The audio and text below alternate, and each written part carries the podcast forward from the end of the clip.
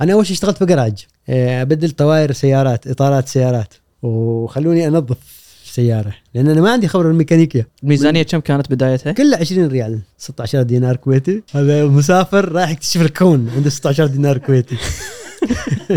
أنت تضحك على الفكرة تعرف أنا اخذ خبز صمون هذا الكبير. هذا يمتص كل شيء. دخل في الشاي طلع شاي zero.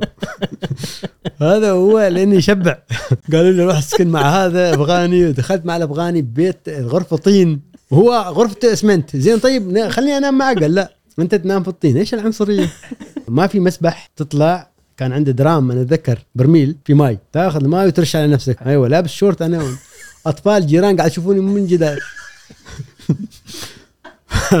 لا الوضع صعب صعب صعب. جو سيارة شاحنة. وقفوا فيها عراقيين.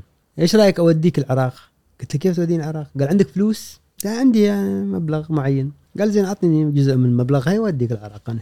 كيف توديني؟ قال تهريب. هنا هذه المشكلة. تهريب زين. مسكونا؟ قال لي إعدام. اضطرينا الآن ننتقل من فوق لين تحت. تحت لوين؟ الفافيلا مدن الصفيح. سكنت. عشوائيات. عشوائيات مدن الصفيح. الغرفة اللي أعطوني إياها تقريبا مترين في مترين بس. فيها لمبة أو ليت كذي نار أنا جيت الكويت كثير عزايم. أكل هنا أكل هنا اكل تعبت. أنا أتذكر كيف كنت أنا أستمتع لما كنت أمر وبرد أمر بين بيوت أدور واحد أرخص واحد يبيع فلافل في الأردن. وهو يسوي الفلافل أنا أوصي كثر الباذنجان كثر بطاط كثر ما فيش أنت تشوف توقف تنتظر وأنت متردد تقول له كثر تخاف يزعل اللي يبيع. يعني بيقول لك أنت كم جايب يعني؟ فلوسك يعني شو؟ ومستحي من نفسك تقول كثر أيضا. تفاصيل. الحياة سينما. هاي كلها تفاصيل وايد مهمة. فهاي تجارب هي تخليك تعرف الآن الطريقة اللي أنت تتكلم فيها الطريقة اللي أنت تفكر فيها. هاي ما يصنعها يعني بس فقط البيت المدرسة. ويصنعها حياتك أنت مشاهداتك تعاملك مع البشر أنواع واشكال بسيطة نازلة. حمام طبعا ورا مشترك مع عائلة. طبعا إيش العائلة يعني؟ نحن كلنا أنا وهم والعائلة شوي أكبر من المجلس. فأنت تسمع كل حوار العائلة وصراعاتها طول اليوم. يعني انت كأنك عايش معهم بنفس الغرفة بكل تفاصيلهم. صراعهم فرحهم حزنهم لما يضرب زوجته كل شيء. كانت شخصيات صعبة في الفافيلا جاني فجأة اتصال من نادي من شخص يقول لي أنا مدير فريق نادي برونو إزفيدو من نادي سبيريتو سانتو نريد نجلس معك في إمكانية نتعاقد معك. أنا ضحكت يعني. مستحيل. هذا واحد من شباب يسوي مقلب. سكر التلفون في وجهه عماني يدرب البرازيل أهبل هذا ولا إيش؟ كره قدم صالات ما بيخلوني أدرب. ترتان ما يخلونك تدرب. بعدين اتصل فيه كارلوس. قال لي أنت إيش قاعد تسوي؟ تسكر التلفون في وجه الناس. أنا معطيهم أعطينهم يعني توصية إنك أنت شخص جيد. الناس ما مقتنعين.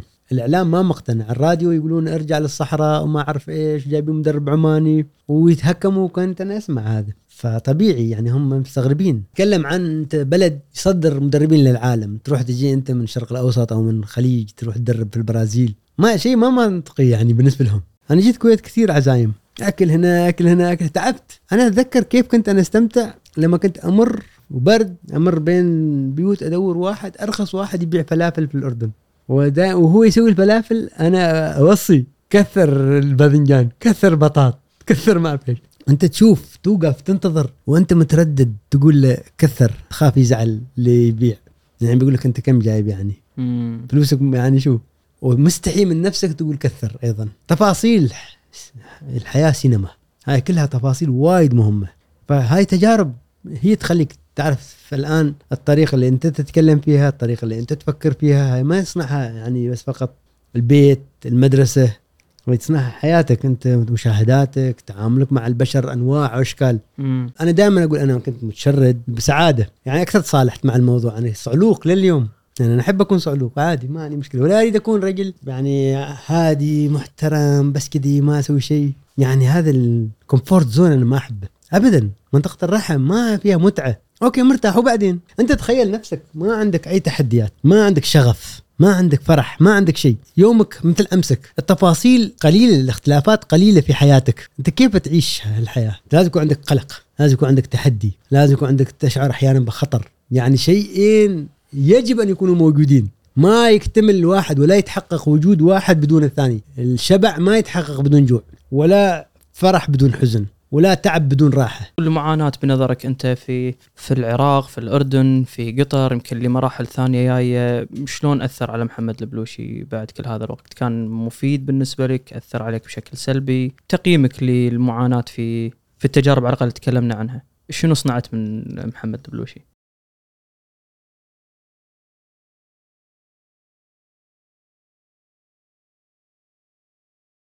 السلام عليكم. أنا محمد الزايد وهذا بودكاست محفوف. اليوم كان لقائنا مع الكابتن محمد البلوشي. شخص في كامل العفوية شخص استمتعنا وإحنا نقابله مليء بالقصص. صعب نحط له عنوان معين. ما نقدر نقول هذا شخص رياضي ولا نقدر نقول هذا شخص مغامر. هو شخص يملك ما يملك من القصص يملك ما يملك من العبر. آه، شخص في عمر ال 18 قرر بأنه يترك بلد عمان وينتقل إلى قطر وما معاه إلا 20 دينار ويبدي حياته هناك. وتكرر الفشل بشكل كبير في هذه الحلقة بالقصص إلين وصل مرحلة إنه هو شخص عماني ينتهي في المطاف بأنه يدرب أحد الأندية في البرازيل ويكون أول مدرب عربي يدرب في البرازيل.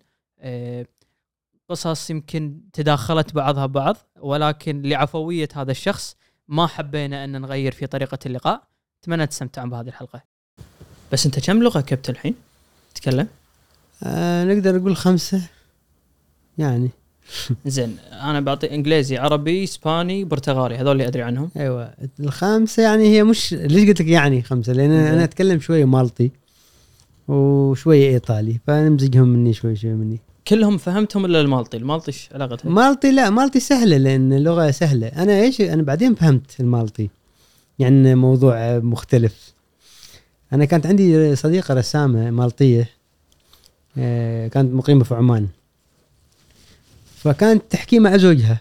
هي وزوجها اصدقائي فأنا ألقط بعض الكلمات أقول فيها جرس عربي. فأقول هذه يعني كذا تقول لي أيوه. أقول أنا بالعربي نفس الشيء بس طريقة النطق غير. اكتشفت إن المالطية أقرب لغة للعربية بعد العربية ترى على فكرة. يعني أقرب من الفارسي والتركي اللي هم جيراننا المالطية. المالطية أقرب لأن فيهم كلمات تقريبا توصل ل 30% عربي. وكلمات إيطالية شوف المزيج الغ- غريب وكلمات إنجليزية وكلمات من الجزيرة الأم يعني من الديالكت. فسووا مزيج طلعت لغة غريبة. يعني مثلا بعطيك إيش أقول لك؟ مثلا في المالطي عادي تشغل سينما وتشوف فيلم. ويقول لك الفيلم هيبدأ. صحيح. أيوه يعني خلاص الفيلم بيبدأ. فأنت تعرف. فهي مرة كانت تقول لي مثل مالطي. تقول لي زقي مليان. راسي مستريح. وفرانكو يهدم علي فرانكو زوجها يخدم عليها يعني هو يشتغل. يزقها مليان. زقها شنو مليان؟ يعني بطنها أو شيء كذي مليان من الأكل. راسي مستريح مستريح. وفرانكو يهدم علي فرانكو اللي هو يخدم عليها. فعربي يعني في النهاية. إيه بس أنا ماني فاهم كابتن يعني أنت اليوم إن شاء الله تكلم عن قريب الخمس لغات. تكلم. يعني إحنا المتعارف عليه على الأقل بالمجتمع اللي أنا فيه الشخص يعرف لغة لغتين إذا ثلاثة وايد زين. أنت هذا موضوع من الصغر يعني حسيت إن أنت مختلف من ناحية آه، حبك للتعلم آه، تبي أشياء جديدة الناس مو متعارف عليها إنها تعرفها. بس مت- متى استوعبت إن أنت مختلف شوي عن اقرانك؟ لا أنا طبعا في البداية في التكوين دراسي أكيد اللغة العربيه وشويه إنجليزي اللي ندرسه في المدرسة. بس أنا أتذكر حادثة أنا كنت أشوف تلفزيون عمان كان في برنامج هذيك الأيام تلفزيون أرض الأريل. يا يصفى وما يصفى تعرف أنت كل يوم تعدل عليه. أيوه تخلي واحد يطلع فوق السطح ويزقر وينادي. فأنت إيش تسوي؟ يطلع برنامج يتكلم لك عن أحيانا عن الشعوب عن ما أعرف إيش. فطلعت موسيقى إسبانية. أي واحد ماسك جيتار وترى ويغني واللغة سريعة. أنا عجبني هالجرس يعني جرس اللغة عجبني. فقلت يا أنا يا ريت أتكلم كذي شروهم هذيلا. كيف أقدر أتكلم مثلهم هذيلا بس كنا صغار يعني طبعا ما ما كنا يعني عندنا هو تروح معهد إسباني ونحن في منطقة يعني بسيطة اسمها المصنعة ما فيها معاهد لغات ولا فيها شيء تعرف في زمن في الثمانينات فبعدين إيش صار؟ بدأت أقرأ روايات تقرأ ماركيز بابلو نيرودا اشعاره بالعربيه مترجمة تقرأ بس عفوا هذا كابتن انت باي عمر قاعد تقرأ أشعار مترجمة العربيه؟ آه، من بداية ثانوي 15 16 كان هذا اهتمامك؟ إيه كثير. كان شيء طبيعي بال- بالمحيط اللي أنت فيه أو أنت مختلف عن الناس؟ لا أكيد في ناس آخرين عشان واحد أيضا ما يقول أنا مختلف وأنا بس على الأقل الناس أصحابك لا البيئة اللي أصحابي أنت كانوا فيها. مهتمين بأشياء أخرى. يمكن هم صح هم مهتمين بدروسهم. وهذا يمكن أصح. يعني يعطيك أنت في فترة معينة عمريه أنت المفروض تهتم ببعض الأشياء اللي عليك تسويها. لأن في قاعدة تقول لك ل... لتفعل ما تحب أن تفعل افعل ما يجب عليك أن تفعل أول شيء. وأنا ما كنت أسوي كذي. أنا كنت أسوي ما أحب أفعل. يعني دروس هاملنهن. ومهتم أقرأ نيرودا ماركيز ما أعرف إيش. في لحظة أنا فكرت قلت كيف بيكون هذا الجمال في الكتابة؟ تخيل الأدب لما يترجم والشعر لما يترجم يسقط. يعني ما ما يصير نفسه. يعني يفقد روحه. يفقد روحه. برغم هيك كان جميل يعني نيرودا وبرغم هذا ماركيز جميل وبرغم هذا آه يوسيا جميل وادواردو غاليانو جميل. كلها الأدب اللاتيني وايد كان جميل. فأنا كنت أتخيل كيف بقراه هذا بلغته. وبعدها لما تعرفت على مجموعة من الإسبان في الغربة وفي السفرات وكذي حبيت جرس لما يتكلموا. وكنت أمسك الجرس جرس اللغة وايد مهم. مم. يعني بعدين عاد رحت أدرس في إسبانيا لغة إسبانية بس عمدا تركت أشيائي وحصلت ألفت كتاب آه، أو أعددت كتاب أنا ما أسميه تأليف هيك الفترة. آه، في 2002 ألفت كتاب آه، أولى كؤوس القرن اللي هو يتكلم عن أول كأس في القرن العشرين كأس العالم. فسميته أولى كؤوس القرن. تذكر أولى حروب القرن؟ مم. برنامج في الجزيرة ما اعرف إيش نفس الوزن. نفس الوزن. فالكتاب جاب ريع جيد لا بأس. فأخذت الفلوس ورحت أدرس لغة في إسبانيا. طبعا ما جلست في الفصل إلا أربع خمس أيام. لأن جاء واحد برازيلي يدرس إسباني جلس جنبي اسمه فيتور. فهو جالس يشوف علي ونحن كل الفصل ما في إسبان طبعا. ما يدرسون لغة إسبانية غير ما إسبان طبعا. فكانوا صينيين وكوريين يابانيين ونحن اثنين أنا واحد عربي وواحد برازيلي. البرازيلي يشوف هذا بالصدفة تعرفت عليه. بالصدفة ترى في الكلاس. أول يوم ثاني يوم نشوف على بعض والأستاذة تشرح تشرح تشرح. تعلمنا إبجديات بالبدايه قال لي بخبرك تلعب كورة؟ أيوه. قال لي خلينا نروح نلعب كورة أحسن. قلت له متى؟ قال لي الحين. قلت له ال class قال خلي ال class. نحن بنروح نلعب كورة. أنا رجل مجنون. يعني أنا تعجبني هاي القصص اللي فجأة تصير. يعني ما في تخطيط. عفوية. أيوه حتى رحت اسبانيا ما كانت مخططة أنا ما كنت عارف وين بنام. أنا وإيش بسوي. هناك أدبر نفسي. قلت له يلا. ونحن طالعين هي تقول لي الأستاذة وين رايحين؟ قلت لها رايحين نلعب كورة. قالت كيف كلاس وما أعرف إيه؟ قلت لها بس آه، بنروح نلعب كورة ناس ينتظرونا يعني. وما حد ينتظرنا إحنا عندنا كورة وبنروح نلعب. فوانا طالع قالت متى بترجعون؟ قلت لها في الامتحانات. يعني إيش؟ يعني الفصل كله ما بنحضره. خلاص ملينا ترى نحن نحن ناس بوهيميين نسهر طول الليل. وكل اللي موجودين صينيين صينيين أكثرهم يابانيين. فاللغة يعني مجرد تاخذ وتعطي مع الأستاذ فقط. مو إيه، مستفيد من وجود لا طبعا ما مستفيد من وجودك في الفصل أصلا. بعدين أنا قلت اللغة تتعلم في الشارع. خلينا نخبص نحن في الشارع. أنا اتذكر أول مرة رايح آكل. ما أعرف إسباني. دخلنا ماكدونالد تعرف أنت تدور شيء عشان حلال وحرام وما أعرف إيش وهذا.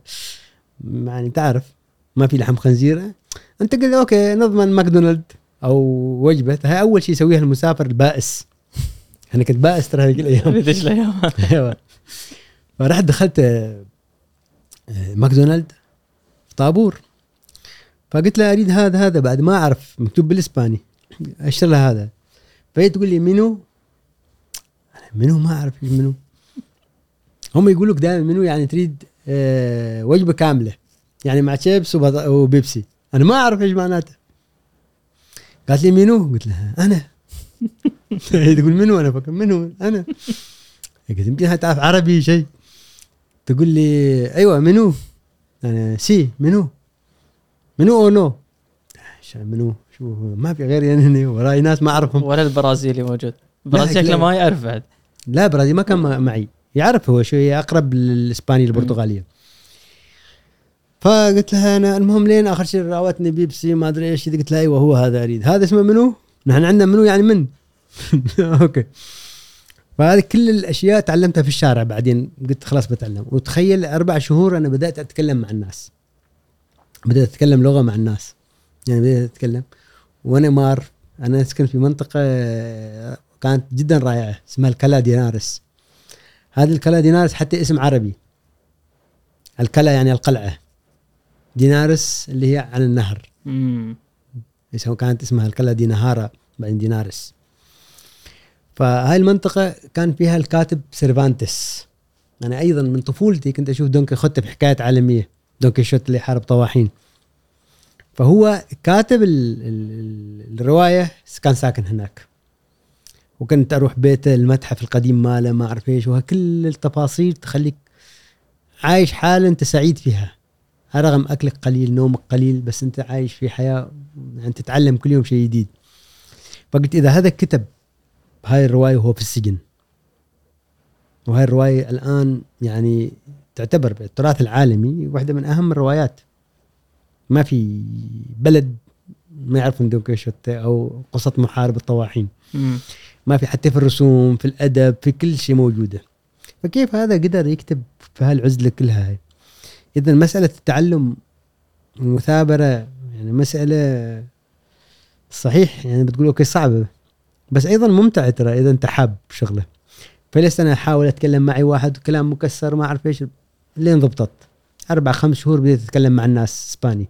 عادي واللي يفيدك أنك أنت أنا أحاول أبتعد عن العرب نحن عندنا مشكلة لما الخليجيين يسافرون برا يدرسون يلتمون كلهم يأكلون يسوون مكبوس يسوون ما أعرف إيش يعني يسوون كيل ينقلوا الكويت وعمان والإمارات والسعودية والبحرين ينقلون وقطر هناك لندن يحطون نص لندن. لندن, إيه. ويبدأ يعيش نفس الشيء يريد يأكل نفس الأكل ليش رايح هناك أنت؟ ويريد يتكلم مع نفس الناس ويريد نفس السهرات ويريد نفس الشاي ما يصير أنت رايح تتعلم فالحمد لله يعني كانت كذي هي هي المس... هي بدأت كيف بدأت أتكلم. بس كابتن موضوع طلب العلم والمثابرة في المراحل الدراسة الرؤية كانت مختلفة عندك. لأن اللي فهمته أنت ما كملت دراستك. فليش بذاك الوقت آه، ما كان عندك هذه القناعة أن أنا أطلب العلم بالمكان المفروض أطلب فيه العلم اللي هو المدرسة؟ كانت الرؤيه مشوشة عندك بذيك الفترة ولا ش- شو اللي صار؟ معك؟ وعي وعمرك 15 سنة توك بادي مراهقة غير عن وعيك كنت تكبر. يعني الوعي أيضا هو نفسه مسألة تتطور يفترض يعني تتطور. يعني مشكلة لما تشوف واحد وعيه وهو 15 وعيه 50 سنة نفس الشيء. ففي هيك الفترة كنت أفكر بطريقة مختلفة. كان باهرني هالعالم.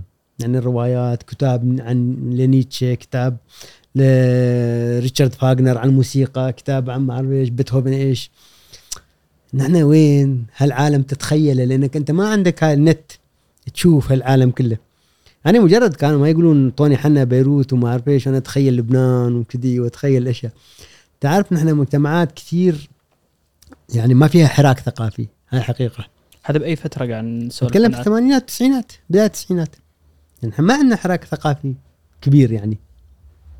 يعني أنا اليوم مريت آه، في هدراواني مكتبة مكتبة العامة الكويت هاي كم عمارة. أنا قلت له هذا أهم مبنى في الكويت. بالنسبة لي يعني أهم مبنى في الكويت وللأسف أنا ما زرته. مم. المرة الجاية بجي خصيصا أزوره. يعني تخيل ما عمارة مكتبة. فنحن آه، ما عندنا هالحراك الثقافي ما عندنا الموسيقى ما عندنا مسرح ما عندنا يعني نادر يعني أوكي على مستوى دولي يصير مسرح. في في مناطق ثانية لا. يصير على مستوى مناطق صغيرة مسارح يستوي مهرجان سينما يصير فعاليات أمسية ثقافية في ناس مهتمة بالثقافة. فهيك الفترة أنا مبهور بهالعالم لأن أنا ما ما أشوف قدامي. فكل جانب ثقافي أكثر شيء فني؟ أيوة. فني ثقافي رياضي. أنت ما تشوف أنت فقط تسمع وأنت تسمع يكون خيالك يسافر. يشتغل. أيوه خيالك يسافر خيالك يقودك. فصعب أنت مشوش خيالك في أغنية الفيروز.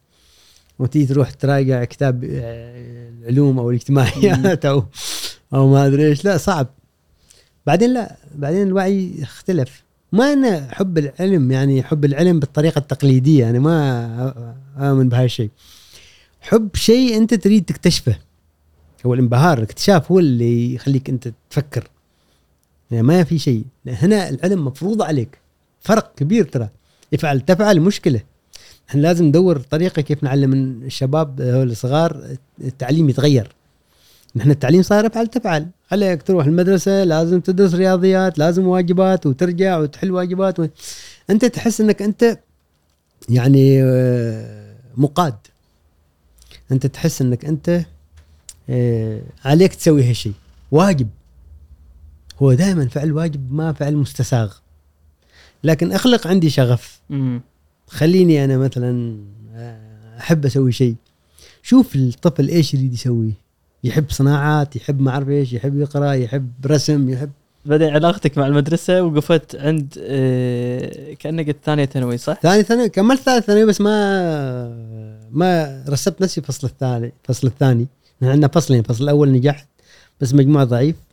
والفصل الثاني رسبت نفسي عشان أعيد السنة. بعدين حرمت من الإعادة بقرار يعني غريب. تركت الدراسه وطلعت من عمان وهاجرت يعني بس قبل. قبل أنا عش... إيه بالنسبة لي أنا غريبة كابتن طلعتك يعني يمكن الحين بنسولف عنها. بس أنا أبي أفهم شنو كان يدور في مخك اللي اخذت مثل هذا القرار وبعمر تقريبا 17 18 كان؟ 18 سنة. 18 سنة. مو بصراحه يعني مجتمعاتنا الخليجيه يمكن حتى يعني كوني عايش بالكويت مو القرار اللي تسمع فيه دائما حتى في عمان صعب. غير مألوف. غير مألوف ابدا. فقبل لا نروح حق هالقرار بس كان قاعد يدور في بالك آه، نفسيا آه، شنو اللي خلق القرار هذا عندك؟ إنك تاخذه؟ يمكن شوف هو إحباط أكيد. يعني ترى أحيانا الإنسان لما يحبط بطريقة وايد اكستريم صعبة أو طبعا آه، طريقة كثير يعني راديكالية. إيش بيسوي؟ بيقوم بفعل ردة فعل غبية. ينحرف. أو مثلا يتزمت أيضا. فيكون محبط. آه، أو يكون ردة فعل غير محسوبة. أنا كان عندي إحباط. okay كيف ما أقدر أكمل ثانوية؟ خلاص ما قالوا الكابتن يعني ما يصير تي السنة الجاية تعيد أنا السنة. رحت السنة الجاية عيد قالوا لي اسمك ما موجود. ما جاي من الوزارة. مشطوب محروم من الإعادة. فهني أنت تحبط. بس أنا ما فكرت شوف أيضا دائما الإنسان في حالات الإحباط لازم يفكر. okay أنا ممكن أعيد دراسات حرة يمكن. ما سألت هالسؤال. ما حد منا سال هالسؤال بهيك الفترة. بس أنت صدمة يعني. ما كيف ما أكمل ثانوي وأنا أريد أروح الجامعة وأريد أسوي أشياء مثل زملائي وأريد ما أعرف إيش وأريد ما أعرف إيش. فجأة انتهت كل فجأة الأحلام. انتهى كل الأحلام وتجلس كذي. فالإحباط أيضا ردة الفعل إيش؟ أنت تهرب كل المحيط اللي هذا مجنون هذا مهتم بسوالف سياسية مهتم بقصص هو اكبر منه طبعا وهي أكبر مني أنا أعترف الآن. يعني ما عندي مشكلة اني أعترف إن أنا كنت أدخل في أشياء قد تكون أكبر مني. هذا قبل آه قبل رحتك لقطر أيوه قبل. يعني هم كان عندك آه قصص في عمان في عمان أيوه يعني مثلا حتى الاهتمامات أنت لما سألتني قلت ليش تقرأ هذه في في زمن؟ يعني انت عندك كتابك مال كيمياء قلت لك افعل ما يجب أن تفعل. لتفعل ما تحب أن تفعل. أنا لا أنا كنت كل شيء أحبه. يعني أحب أسوي أشوف سينما عادي بكرة مدرسة أنا قاعد أشوف سينما. أشوف فيلم سينمائي أعيده خمس مرات مرتاح. لأن السينما بالنسبة لي كانت سفر أيضا. إحنا ما أطفال يعني أوكي كل يوم يسافرونا بلد. نحن بنشوف فيلم سينمائي غير عن نشوف فيلم بس كذا قصة. أنا أشوف شارع. أنا أشوف شارع المصري اللي يمشون فيه أنا أشوف شوارع القاهرة لما أشوف سين- أنا أسافر. أنا أشوف ناس كيف تلبس. مو مجرد قصة بالنسبة لا لك. اذا فيلم إيطالي. أنا أشوف كيف الطليان يلبسون كيف يتكلمون إيش يأكلون. أشكال الطليان كيف. هذا بروحه سفر بصري ما طبيعي ترى السينما شيء عظيم. يعني السينما شيء جبار. إذا دخلت في تفاصيل الفيلم.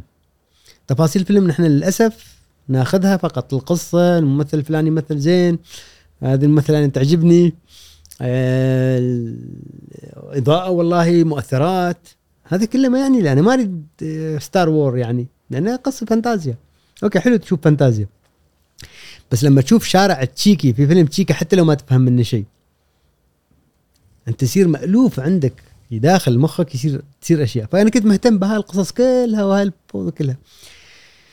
فالاحباط وأيضا ال... يصير عندك الحين ردة الفعل إيش بتصير؟ طيب الآن خلاص ما خسران شيء أنت. ما شيء عندك تخسره صح؟ فخليني أروح قدام. يعني أنا أروح أسافر أشوف هالعالم اللي أنا دائما أتخيله. طيب ما تقدر تشوف تروح مصر تروح لبنان تروح ألمانيا في البداية. فأنت بتروح أقرب مكان أنت تقدر فلوسك توديك فيه. أنت طالع أنت ما عندك شيء لا عمل لا شيء. فا أوكي كلها 20 ريال بتوديك قطر. بعدين الله يفرجها إيش يصير؟ تشتغل هناك آه، تنظف سيارات تشتغل تبي عشرة تسوي أي شيء. آه، تقدر تاكل تقدر تنام يكفي. لأنك آه، بعدين هناك تعيش التجربة تشوف مشاهداتك ما أعرف إيش.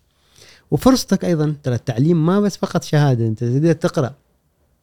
أنا اشيل كنت أشيل معي كاسيتات حتى لعبد الحميد كشك. وأسمع كشك. وآمن بأشياء وكي وانفعل. بعدين أوكي أقول ليش ما أسمع الوائلي؟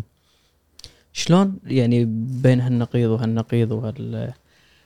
آه، أنا ما اشوفها تناقضات أنا أشوفها يعني خطوط كثيرة أمامي. يعني خط تيار.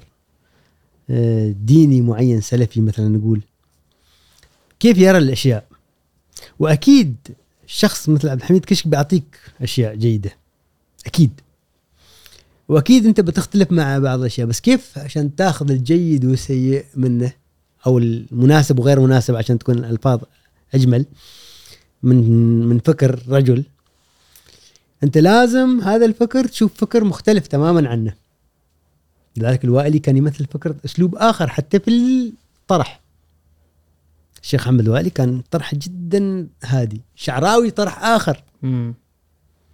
فأنت ك- كل هالأشياء وكنت أقرأ أحمد ديدات في نفس الفترة هذيك. كانت كتب صغيرة تجي يبيعوا ثلاثة بريال. فوايد مناسب لواحد ما عنده فلوس. هذه الكتب الصغيرة وسهل تخلصهم يعني. وجبات يعني وأنت ماشي تك تك تك تشيل تقرا وتخلص. فكرة معينة تأخذها.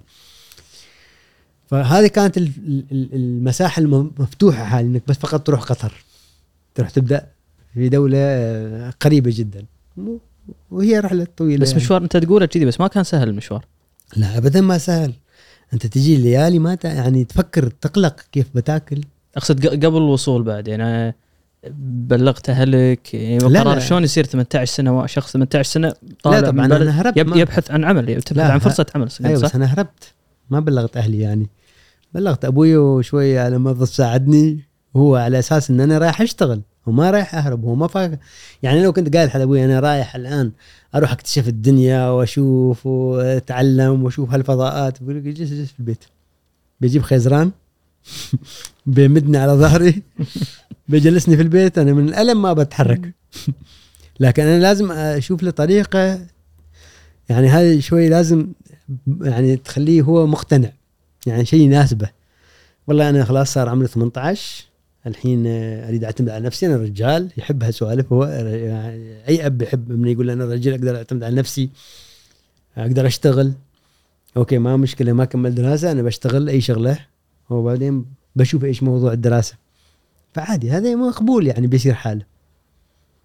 غير أن أول شيء جيت له بطريقه ثانية ما عجبته طبعا قلت له أنا بروح عند منظمة التحرير الفلسطينية بروح بنضم لهم لأنه عارف هم عندهم ميول قومية. بعدين قال لي فلسطين يحتاجون يعني واحد يروح يحارب. ترى عندهم ناس مو موضوع ما ناس يعني. فشفته ما مقتنع بهاي السالفة. بعدين قلت له أنا أمزح. أنا فعلا أريد أشتغل. كذبت أنا. أنا ما رايح أشتغل شغل معين أنا كان ممكن أروح ترى قطر بلد الخليج أروح أشتغل في الجيش في قطر وانتهى الموضوع. امم أو أشتغل أي وظيفة. وحتى كثير ترى على فكرة أنا كنت في قطر قطريين يلقوني يقولوا لي ليش تشتغل هنا؟ يستغربوا يعني أنت عماني ليش تشتغل هنا؟ تعال في اللي وظائف. كان وين أول شيء شغلك؟ أنا أول شيء اشتغلت في جراج. آه، أبدل طواير سيارات إطارات سيارات. وخلوني أنظف سيارة لأن أنا ما عندي خبرة بالميكانيكية. ما اعرف شيء. أنت رحت جراج قلت لهم بشتغل معاكم. أيوه خلوني أشتغل جراج بعدين تركت الجراج ورحت اشتغلت في معهد للرسم. وأيضا صارت عندي مشكلة في معهد الرسم. بعدين تركته ورحت ابيع اشرطه موسيقى. بس وصلت كم معك كابتن؟ وصلت قطر كم؟ أنت بس عن طريق السيارة واصل. سيارة برا تركب باص من عمان من مناطق في عمان. بريال ريال ريالين تطلع من عمان ثلاث ريالات. توصل دبي. الميزانيه كم كانت بدايتها؟ كلها 20 ريال. 20 يعني- ريال. يعني يقول ما 16 دينار كويتي. هذا مسافر رايح يكتشف الكون عنده 16 دينار كويتي. أنت تضحك على هاي الفكرة. وتعرف أنا آخذ خبز صمون هذا الكبير.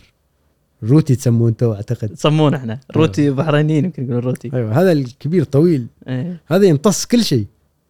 دخل في الشاي. طلع شاي زيرو. هذا هو لأنه يشبع. لأن خلي- بالكويت يقول 100 فلس أنت تصرف تاكل. أنا أتذكر أول مرة في قطر أنا أكلت وجبة يعني محترمة. لما اشتغلت فقط في مال الأشرطة. هذا الشرطة اللي عفست عفست محله ومشيت. ما عفست أنا كنت أريد أهذب الذوق العام. إحنا بنقول هالقصة الحين بس ما يصير كابتن أنا سمعت. لا أنت تخيل المهم نا ناس تيجي تسمع تقول لك مثلا يجيك شخص يجي يقول لك okay أنت محل كاسيتات قاعد تبيع فيه. محل كاسيتات. فيجيك واحد يقول لك آه، أريد حميد الشاعري. يعني okay. ما هو ترى الآن أنا بقول لك شيء. نفرض أنا كنت أفكر كذي. أن المرسيدس قيمتها 10000 والتويوتا قيمتها 10000 والهيونداي 10000 مع كامل احتمال والكيا وكل الأشياء. والسيارة الصينية 10000 ويجيك واحد يقول لك أنا عندي 10000 أريد سيارة صينية. ما يصير. أنت بتقول لي يا أخي ما في مرسيدس في BM ب 10000 فأنا أقول له في فيروز. لا لا لا فيروز لا لا. يسمونها الصبح. كيف يسمونها الصبح؟ اهبل يسمونها الصبح. أم كلثوم لا هاي في الليل. أوقات برا. كيفك أنت تسوي أم كلثوم في الليل؟ قلت له لا ما في هذا حميد شاعري ما عندنا ما ينزل وأنت خاشه تحت أيوة. فبدت بديت أنا هذاك اليوم أفكر أشيل كل الأشرطة اللي ما أريدها أخليها تحت ومنو صعد فوق؟ فيروز فؤاد سالم وديع الصافي عبد الحليم أم كلثوم طبعا هذه الأغاني جوليا بطرس بداياتها مارسيل خليفة عبد الكريم عبد القادر طبعا أكيد. آه، أبو بكر. هذه الناس تسمع شيء. حميد شاري مع كامل احترامي طبعا. علي حميده واحد جاي طالب. إيش دخل عليك تكتب علي حميده فضميته حتى ميامي ضميتها تحت. أفا يوم طاحة بعدها. للأسف يعني. كامل صار بالأرفف اللي تحت. لا خليتها معي قلت ما كنت أشجع هالموسيقى أنا بشكل عام. بس المحل خسر ما حد قام يشري. يجوني أربع خمس شياب يشترون شريط شريطين يروحون. فصاحب المحل قال لي تعال أنت خسرنا من وراك. بعدين عاد فنشوني. بس أنا كنت عادي قابل يفنشوني على سبيل القضية. بس أنا أتذكر أول وجبة أكلتها صح كان في مطعم لبناني جنبنا. وأنا كله يسمون وما أعرف إيش وكذا أول أيام صعبة كانت الوضع. فلما رحت هذا كانوا عندي فلوس. إن أنا متفق مع هذا اني أبيع وراتبي آخذ منه أجزاء. إني أوكي كيف بعيش؟ ف على هالدرجة كنت محتاج الفلوس إنه لازم ما عندي. شيء ما عندي ابدا شيء. هذا. بعد مرور إيش كثر الفترة تقريبا؟ ما في ترى فترة أول شيء اشتغلت بجراج اشتغلت يومين. بس بالجراج يومين؟ يومين. ما عجبهم ما عجبتهم ولا هم ما عجبوه؟ لا ما رجعت لهم لأنه ودوني معي أسكن مع واحد افغاني قالوا لي روح أسكن مع هذا افغاني ودخلت مع الافغاني ببيت غرفة طين. وهو غرفته اسمنت. زين طيب خليني أنام معك قال لا. أنت تنام في الطين. إيش العنصرية؟ فما ما قدرت استحمل يعني ما في مسبح تطلع. كان عنده درام أنا أتذكر برميل في ماي. تاخذ الماي وترش على نفسك. هذه طريقة السباحة. أيوه لابس شورت أنا أطفال جيران قاعد يشوفوني من جدار لا الوضع صعب صعب صعب. قلت ما ممكن. أرجع لهذا أول شيء هذا يعني شوف آه، كانوا إيرانيين ما كانوا عرب صعب تتفاهم معهم. ثاني شيء هذا أفغاني أنا ما أعرف لغته. يعني هو لو يقرقر يمكن يسبني. بعدين الوضع ما كان مريح. فأنا طلعت وأنا راجع أنا خلاص راجع أشتغل مع الإيرانيين. راجع اكمل في الجراج ثاني يوم. بس وأنا ما لقيت معهد عربي مكتوب المعهد العربي للخط والرسم ما أعرف إيش. فدخلت. قلت يمكن أدور شغل. قلت لهم أنا عارف أرسم. قالوا تعرف تخط قلت لهم لا صراحة أنا خطي ما okay. الرسم الرسم, لا باس يعني. جربوني اشتغلت معهم فترة. وأيضا كانت اخذ أجر يومي لا شيء يعني. أنت ما تعرف وين بتنام وين ما أعرف إيش. بعدين اكتشفت إن حصلوا لي سكن رحت مع سودانيين. بعدين تركت سودانيين رجعت لهم بعدين مرة ثانية. تركت سودانيين رحت لما تركت معهد الرسم صارت لي مشكلة. اشتغلت في محل كاسيتات كنت أنام في المحل نفسه. يعني في المحل في partition صغير أو زيج صغير كذي وراه في الآلة الكبيرة هاي مال تسجيل الكاسيتات تحط كاسيتين ثلاثة وتشغل ويسجل لك بسرعة. عشان تسوي تسجيلات لا. في هناك محل في كاسيت فشفت زوليه خفيفة كذي ومكان نظيف. قلت بفرش هنا. وفي حمام. أهم شيء. فأنا أموري كانت يعني عاد بالنسبة لي هذيك كانت five star باقي الفترة. أتذكر أول ما أخذت فلوس ورحت المطعم اللبناني طلبت حمص. حسيت نفسي يعني وايد شيء كبير. يعني صحن حمص وهو ما قصر جاب مخللات مجانا. جاب كل شيء مجانا. هو ينتظر نطلب الدش الرئيسي. أنا ما في هو كحمص الدش الرئيسي.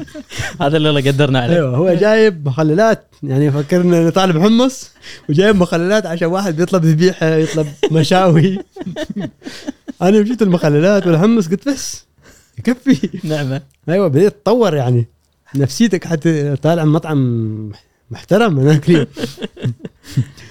كانت أيام صعبة يعني. بس ليه ليه, فر... ليه ولحظة المطعم يعني. شخص عمره 18 سنة أول مرة يطلع برا بلده. شن شو تعرف ذيك الفترة؟ خوف قلق آه، متعة شعور بال لا تعب. عشان أكون صريح ما كان متعة. كان تعب ما كان خوف. كان تعب وكان أيضا يعني وأنا أنتقل من وظيفة لوظيفة آه، المتعة ما متعة يعني متعة إنك تجرب. أنا كانت عندي بس ما متعة إني مستمتع. إنه أوكي أنا في حالة يعني مثل ما يقولون متعة اختيارية. يعني مثلا تقول أنا أستمتع أشرب لي كوكتيل مثلا أو أستمتع بمشاهدة مباراة جميلة. لا أنا أستمتع بالتجربة صح. لكن ما المتعة اللي فيها مثل ما تقول ميزة إنك أنت مختار أو إنك أنت في السيف سايد بدون قلق. كان قلق. قلق مستمر. آه، لكن العوالم أيضا تساعدك. يعني تسكن مع سودانيين تسكن مع ما أعرف إيش تشوف هذا تشوف علاقتي كذا. كانت زينة معاهم كابتن السوداني سودانيين؟ جدا. وأحبهم كثير وأنا أتألم الآن اللي يصير في السودان جدا. مم. يعني السودان بلد رائع. أنا يعني قليل تلقى حد يشتكي من سوداني. هذه حقيقة. يعني قليل تلقى حد تعرف على سوداني تعامل مع سوداني يشتكي من سوداني طبيعي في كل بلد في زي جيدين وسيئين في عمان في الكويت في مصر في كل دول وحتى في السودان في جيدين في سيئين بس لما يجيك شعب قليل حد يشتكي منه. يعني تحس تألم يعني تشوف هذا الدمار اللي يصير الحين في السودان. استمرت رحلتك إيش كثر كابتن في قطر؟ والله ثلاث شهور وشيء تقريبا وقرار العودة كان بسبب قرار إجباري. يعني أنا رحت السفاره العمانية أحتفل بالعيد الوطني. مسكوني في السفارة وقالوا لي عليك تعميم وأهلك يريدوك ترجع. أوه. ورجعوني. هذا أي سنة إحنا الحين قاعد نتكلم؟ نتكلم 93 أربعة- 94 بداية 94 لا 93 أعتقد 93 أيوه شهر 11 طيب ترد 93 شخص عمره 18 سنة كان يعتقد قبل فترة أربعة أشهر انه بيبتدي حياة جديدة، بعد مرور أربعة أشهر فقط تلقى نفسك أنت رجعت للمربع الأول. مرة ثانية إيش قاعد يدور بمخك؟ هروب جديد على طول لأن أنت ترجع ال- العالم أنت قلت هذه الأفكار يعني ما مألوفة في مجتمعنا الخليجي في الكويت في عمان في نفس الشيء ترجع الحاره ترجع بيئتك الناس كلها قاعد تشوف عليك انت انك انت ما مألوفة قصتك يعني كيف انت قاعد تهرب؟ شلون كانت ردة فعلهم كابتن؟ كلها يعني إن- كجيران يا كلهم أهل يعتقدوا انك انت مجنون. هذا مجنون هذا فيوزاته ضربت. كيف يترك أهله ويسافر كيف يهرب كيف ما أعرف إيش. فكثير يعني هذا طبيعي. طبيعي جدا ترى على فكرة ما أنا كنت متصالح مع الفكرة. حتى في وقتها. حتى في وقتها بس ما حبيت الوقت إني أجلس أسمعها دائما. وأيضا في نفسي أنا كنت معتقد إن أنا مسوي الصح أوكي هالمرة خليني أشتغل شوي على نفسي أكثر أكتب مسرح أكتب أي شيء وأحاول أبيع ب 50 ريال 60 ريال عشان أجمع فلوس وأروح الأردن أبعد شوية فقضيت فترة معينة كنت تكتب نصوص مسرحية أيوه عشان أبيعهم أبيعهم على كتاب مسرح عشان آه. تطلع باسمهم بس النص نصك أنت إيه. عجيب. موجود عندي نسخ. صحيح. أيوه. عجيب عجيب. فصار مرة ثانية بعد عودتك إن الوجهه الأردن في سبب معين دفعك للأردن ولا؟ في صديق كان هناك سلطان البلوشي زميل دراسة. قلت أوكي على الأقل أعرف حد. يعني إذا صار شيء يعني. ورحت الاردن وهي تجربة. نحن لو خذينا المسألة من سنة سنة ما بنخلص. يعني هي سلسلة طويلة وتجارب مشابهة يعني كلها يعني مشاكل. أنا ليش جيتك حق آه، الأردن كابتن؟ لأنه هذه واحدة من الحلقات آه، أنا عادة قبل الحلقة أحاول ألقى عنوان للحلقة.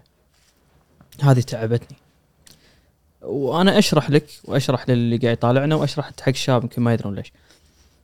بس لأنه صعب أنا أحط عنوان لحلقة إحنا تكلمنا شخص آه، كان الجزئية الأولى يمكن تعلقك بالثقافة. بني بالنهاية شلون انت متعلق بالرياضة. بعدين المفروض نسولف عن آه، يعني انت رياضي ثقافي بس هم بالنص انت صرت آه، اشتركت مع فرقة. فأنا عشان كذي الموضوع صعب إن نحط له عنوان. يعني شلون شخص رياضي ثقافي بعدين فجأة يكون شغال مع فرقة بالأردن؟ هذا اللي صار.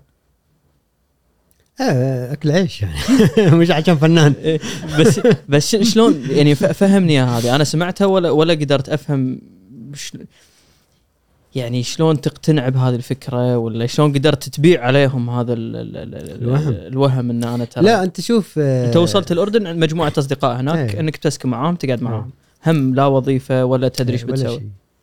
وكان أصعب تحصل شغل في الأردن. أنا كل ما أقول على الاردني يقول لي أنت تشتغل في الأردن. نحن نشتغل بالخليج أنت جاي تشتغل في الأردن. يعني ما أنت ما معكوس المسألة. فيقول لي غريب أنت روح رجع بلدك. يعني شو تشتغل هنا؟ فصار ما ممكن أشتغل هناك في الأردن غير أن أنتحل شخصية غير شخصية الخليجي. انت عارف آه، في التسعينات 94 آه، العراق متدمر حصار العراقيين بدأوا يطلعوا من العراق للأسف. فأنا أحب آه، الموسيقى العراقية كثير. يعني أنا تربيت على الموسيقى العراقية. أبرز اللي تسمعهم؟ آه، سالم ناظم سعد بن جابر فاضل عواد ياس خضر حسين نعمة كل القديم. هذول كانوا متصدرين إيه الارفف طبعاً، في, في قطر ها فوق. top. آه، في الرفوف فوق. ما حد يعرفهم. في قطر كان اكل ما حد يعرف حسين نعمة. تقول اسمع هذا حسين نعمة. يقول من حسين نعمة؟ مصري هذا؟ يقول لا ما مصري عراقي. فما كانوا يعرفون يعرفون حاتم يعرفون كاظم طبعا أكيد. فكنت متأثر فقلت أنا إيش أسوي؟ خلني عشان أحصل الشغل في الأردن. أنا ما أقدر أقول أنا سوري أنا أسمر. لهجتي ما تساعد أصير سوري يعني 100% ولا أقدر أصير لبناني من يجي الأردن؟ أنا أقدر أصير عراقي أقدر أصير عراقي من البصرة أقدر أصير من ميسان أقدر أصير يعني نحن شوي قريبين من العراقيين أكثر من دول الشام. يعني طبيعي. أو أكون يمني. في حلين. واحدة من الثنتين. أيوه. هذيك الأيام ما كان في أردني يمنيين في الأردن كثير. الحين صار أكثر. مم. يعني أول ما كان. أنا ما لا ما كنت أصادف في الشارع يمنيين. كنت أنا مشاهداتي أيضا صادف عراقيين في الشارع. فقلت أنا عراقي. عراقي ليش مشهور؟ يغني ترى. صوته حلو دائما حتى صوته ما حلو. معتقدين ان صوته حلو. ولأن الفرقة هذه كانت يعني بائسة أيضا. ما عندهم اصواتهم تعبانة جدا. بأمانة. أنت شايف أكيد إذا تروح تزور بعض الدول مثل مصر أو حتى في الأفلام تشوف مصر فرح شعبي. مطرب صوته خايس يعني. تعبان. تعبان. صح. الآلات والصوت ودز دز وسوي ما أدري إيش واهلا بفلان واهلا ما قصة يعني يسولف أكثر ما يغني. فهم فعليا ما عنده فنان عنده واحد بس يمشي الليلة. فأنت لما تقارن آه، نفسك بأي واحد من هذول لا عادي حتى لو أنت ما تعرف شيء يعني بتسلك معهم. شيء حافظ بس. فدخلت معهم بهالسالفة يعني. وهي صارت بالصدفة يعني أنا أقنعتهم. كزمار. لا أنا قلت لهم قالوا لي غني غنيت أنا أي شيء. وأنا out of tune أكيد. يعني أنا ال- السلم الموسيقي كله. أنا بروحي في صوب هم في صوب هم فك وعشان عشان عشان تقنعهم إن هذا أنت ما غني موال. زين. موال ما تلتزم بإيقاع. طبعا موال فيه مقامات لكن يبقى واحد يفهم مقامات عشان يقيمك. لكن أنا لو غنيت بإيقاع بفشل. فأنا قلت بغني موال. قالوا لي بس أنت أوكي. وافق عليك. وافقوا علي. كم تعطوني قالوا نسبة نطلع كذي نغني في حفلة شيء يعطوك شيء ما حصلنا شيء في النهاية. ما في تصوير كابتن حسافة والله؟ لا ما عندنا أنا ما عندي ما كانت كاميرات الف- إيه. التليفون يا أخي أنا كنا في زمن. هذا 94 أيوه انت شخص دور تاكل. أنت لو عندي كاميرا كنت ببيعها. يعني تخيل لو كان عندك كاميرا بتبيعها أول شيء عشان تاكل. كابتن انت الحين مثلا رحتك الأردن شلون كان يعني شلون كنت قاعد تجمع الفلوس؟ من النصوص اللي كنت قاعد تكتبها؟ لا قبل كنت أكتب نصوص لما وصلت الأردن ما كنت أكتب نصوص. بس أقصد عشان تجمع فرضا لتذكرتك عشان تروح الأردن. أيوه أيوه كنت نصوص كنت أجمع شوية فلوس أشياء ثانية أسويها يعني. بعت كتب بعت أشرطة موسيقى بعت فيديو مال البيت بعت وايد أشياء. أشياء خاصة فيك. خاصة وما خاصة بالبيت حتى هو ما حد يعرف. فجاه اختفى الفيديو من صالح أيام فيديو كان موجود. اختفى وين؟ ما حد يعرف. بأنا ب 10 ريالات عادي. أهم شيء أحصل شيء يجمع فيه فلوس يعني. تذكرة. تذكرة. فكنت أبيع بعض الأشياء. كنت بعت حتى أكثر شيء كنت أبيع اشرطه موسيقى وكنت أبيع بعت فانيله المانيا 90 أوه المنتخب. كانت وايد احبها واحد اشتراها مني. حسافة. يعني كنت أكتب مسرح آه، مسرحية أتذكر اسمها المنديل الأحمر. يعني كان مسرح آه، صامت. ما في أي نص ما في حوار. يعني ما- في حوار في نص طبعا ما في حوار. فقط دراما موسيقى إضاءة. يعني دراما حركية. بس ما تعلقت بهالتجربه يعني إذا هي تجربة ماديا مجزية. ما كان مجدي ماديا. أول شيء أنت تبيع لشخص يشتري منك عملك. يعطيك كم؟ 40 ريال. بكتب مسرحية. تعال بيعها ب 40 ريال. في داخلك تتألم إنك بايع مسرحية ب 40 ريال. في داخلك تتألم إن هالمسرحية ممكن حتى في مسرح شبابي أو شيء كذي وتعرض تعرض باسم شخص آخر. مو باسمك. متعب ترى على فكرة مش يعني آه إنك تعايش وضع أوكي. ترى أنت لو تروح حق مسرح تقول لهم أنا عندي مؤلف أو شيء مسرحي من أنت أول شيء؟ لأن هاي مشكلتنا في أنت من؟ مم. أنت ما مهم أنا من مهم أنا إيش جايب؟ هذه الفكرة مفروض. مفروض الآن لما يجيك شاب يقول لك أوكي أنا عندي نص لفنان كبير مثلا يروح يقول أنا عندي نص أغنية. والله أنت شاعر ما معروف من أنت؟ ما مهم أنا من ممكن النص هذا اللي كاتب هذا الشاب يعني تسوي لك أغنية تكسر الدنيا يعني. مم. يعني هذاك اللي كاتب أنا وليلى حسين مرداني أعتقد. أنا وليلى. أيوه. مال كاظم كاظم بحث عن قصي عن كاتب. شاف القصيدة قبل بعدين بحث عن الكاتب مو مو بدر مو بدر السياب لا ولا اللي قلت اسمه واحد ثالث لا لا حسين حسين مرداني ومرواني شيء كذي. حسن مرواني. حسن مرواني. هو يعني صح سمعت قصته. أيوه. يعني أنت حصل نص جميل بحث عن الكاتب فالمهم يعني الأردن كانت هاي الحياة أيضا فيها صعوبات. أصعب تعب. من قطر؟ ما صعب. كان في ناس أنا أعرفهم سلمان كان هناك موجود كان سلطان كانوا في مجموعة من شباب طلاب عمانيين. لما تضيق الدنيا سند يعني هم من حارتنا من أهلنا يعني يعتبرون. وكان ضغط هم موجود إن أنت لازم ترجع عمان هم هم حتى يضغطوا لأن هم ما يريدوا يشوفوك كذي. هم ما يريدوك يعني هم دائما بالنسبة لهم انت اخ في النهاية. أنت. أي واحد من أخوانك بتنصحه يا أخي أسلم لك كذي أسلم لك كذي. نحن ما متعودين على هاي إن واحد يجي يجرب م. واحد يجي يعني يحط نفسه في في مكان الظروف تخلي غصبا عليه إنه هو يتصرف. يخلي نفسه مطرب يخلي نفسه شاعر يخلي يروح يلعب في الشطرنج يروح يسوي ما أعرف إيش عشان بس يفوز ويا يتعشى. يعني عندك وضع ما سهل. بس كابتن لما تقيم التجربة أنت بعد كل هالسنين. هو كان هروبا من الواقع اللي موجود بعمان ولا أكثر بحث عن شغلة أنت قاعد تدور عليها؟ بس ليش تعتقد أنت كنت تاخذ هالقرار بروح قطر وتاخذ الأردن بروح, بروح أنا أنا أتوقع الاثنين هروب من واقعي أنا مش من واقع عمان. لأن أنا في عمان كان ممكن ألاقي شغل جيد في هذيك الفترة وكان ممكن حتى بهاي الشهادة كنت ممكن أشتغل.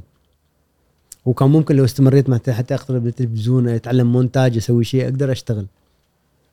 لأن في فترات بعد ما رجعت من الأردن بديت أقترب كثير من التلفزيون العماني من الناس من أشياء. وجلست فترة أروح وأرجع التلفزيون. كان في إمكانيات أسوي أشياء. بس أيضا هو التجربة لما تجربها كذي وإنك انت بعدك ما زلت على قيد الأمل والحياة إنك بعدك حي تقول لا يعني إيش بيصير؟ خليني أشوف شيء ثاني خليني أروح خليني أجرب. مم. بعدين تتعلم. ترى على فكرة يعني كل هاي المشاهدات ما تحس فيها تر- تروح في عقلك الباطن بروح تلقائيا. أنت ما تحس إنك أنت okay مريت. الآن اليوم يعني أنت خيالك يصير وايد جميل حتى في الكتابة. أنا اليوم الحين اجلس أفكر أنا جيت كويت كثير عزايم. أكل هنا أكل هنا أكل تعبت. أنا أتذكر كيف كنت أنا أستمتع لما كنت أمر وبرد أمر بين بيوت أدور واحد أرخص واحد يبيع فلافل في الأردن. وهو يسوي الفلافل أنا أوصي كثر الباذنجان كثر بطاط كثر ما إيش عشان هي فلافل واحدة تكفيك سندويشه تكفيك. الآن أنا أستمتع بهاي الحالة نفسها. يعني ما- ما الأكل فقط. طبعا هنا هنا لا five star عاملون هنا. تجربه نفسها. أيوه الشباب بس التجربة نفسها أنت تشوف توقف تنتظر وأنت متردد تقول له كثر تخاف يزعل اللي يبيع. يعني بيقول لك أنت كم جايب يعني؟ مم. فلوسك يعني شو؟ ومستحي من نفسك تقول كثر أيضا. فحالة إنسانية وايد. آه الآن من تشوف واحد يسويها تستذكر هالأشياء. تحس أكثر إن الناس يجب أن يكونوا okay في level يعني حتى لو يعني أنا وصلت أنا يعني في في مراحل في حياتي إن أنا لا آكل آه، أحسن المطاعم ما أعرف إيش بس لكن أيضا هذا ما يخليك أنت تنسى مم. يعني دائما تستذكر أنت تمشي في الشارع تشوف واحد يبيع بطاطا تشوف واحد يبيع نسميه فندال البطاطا الحلوة في عمان. فتشوف هالأشياء لا توقف تاكل معه تسولف معه في مصر هو عربه ماله تعبانة. تفاصيل الحياة سينما. هاي كلها تفاصيل وايد مهمة.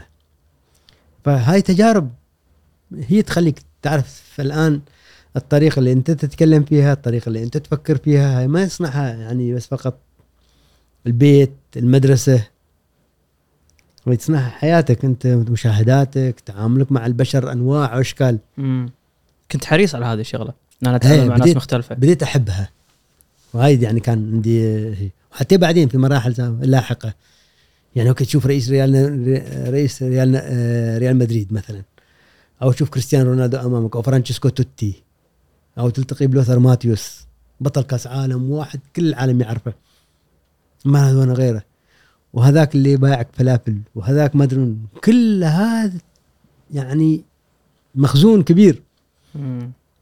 الجاك هذاك المتشرد الإنجليزي جلست معه في الشارع. ناكل نسولف عن ملكة إنجلترا ونضحك عليها. أنت وياه. أيوه هذا كان واحد متشرد ويدعي إنه كان حبيب ملكة إنجلترا ويدعي هو يقول لك؟ إيش. أيوه هو طبعا كله كذب. واحد تعبان ما لاقي ياكل. لقيته بالصدفة كابتن بس في الشارع صار صديقي وكنت يوم وبعدين بعد سنوات يعني اختفى طبعا لا شيء إيميل لا شيء. يعني شوف واحد يجي. كل يوم تيجي تجلس معه في الشارع في إنجلترا في لندن أو في عفوا في شلتنهام تجلس معه في الشارع. تاكل معه ياكل معك ما أعرف إيش كذي. أنت إذا عندك سندويتش تروح معه جاك سولف ياكل يقول لك أنت you are very good person أنت وايد شخصية. جيدة. إنك تجيب الأكل معي يعني لأنك تعرف إن أنا أهم واحد في إنجلترا. هو عنده هاي الفكرة إنه هو أهم واحد في إنجلترا. فأنت تسمع هاي السالفة كيف هذا يفكر بعدين ت- تيجي تفكر تقول أوكي ليش الناس يعني يعتقدوا أنهم مهمين أحيانا إذا هو ما عنده شيء ويعتقد مهم ليش المجنون؟ كيف تركيبة عقله حتى المجنون؟ يعني سبحان الله أنت الآن هذا الدماغ مكون بنفس الطريقة. كيف هذا أذكى؟ هذا أقل ذكاء؟ هذا إيه؟ هل هذا حاول يصير أذكى؟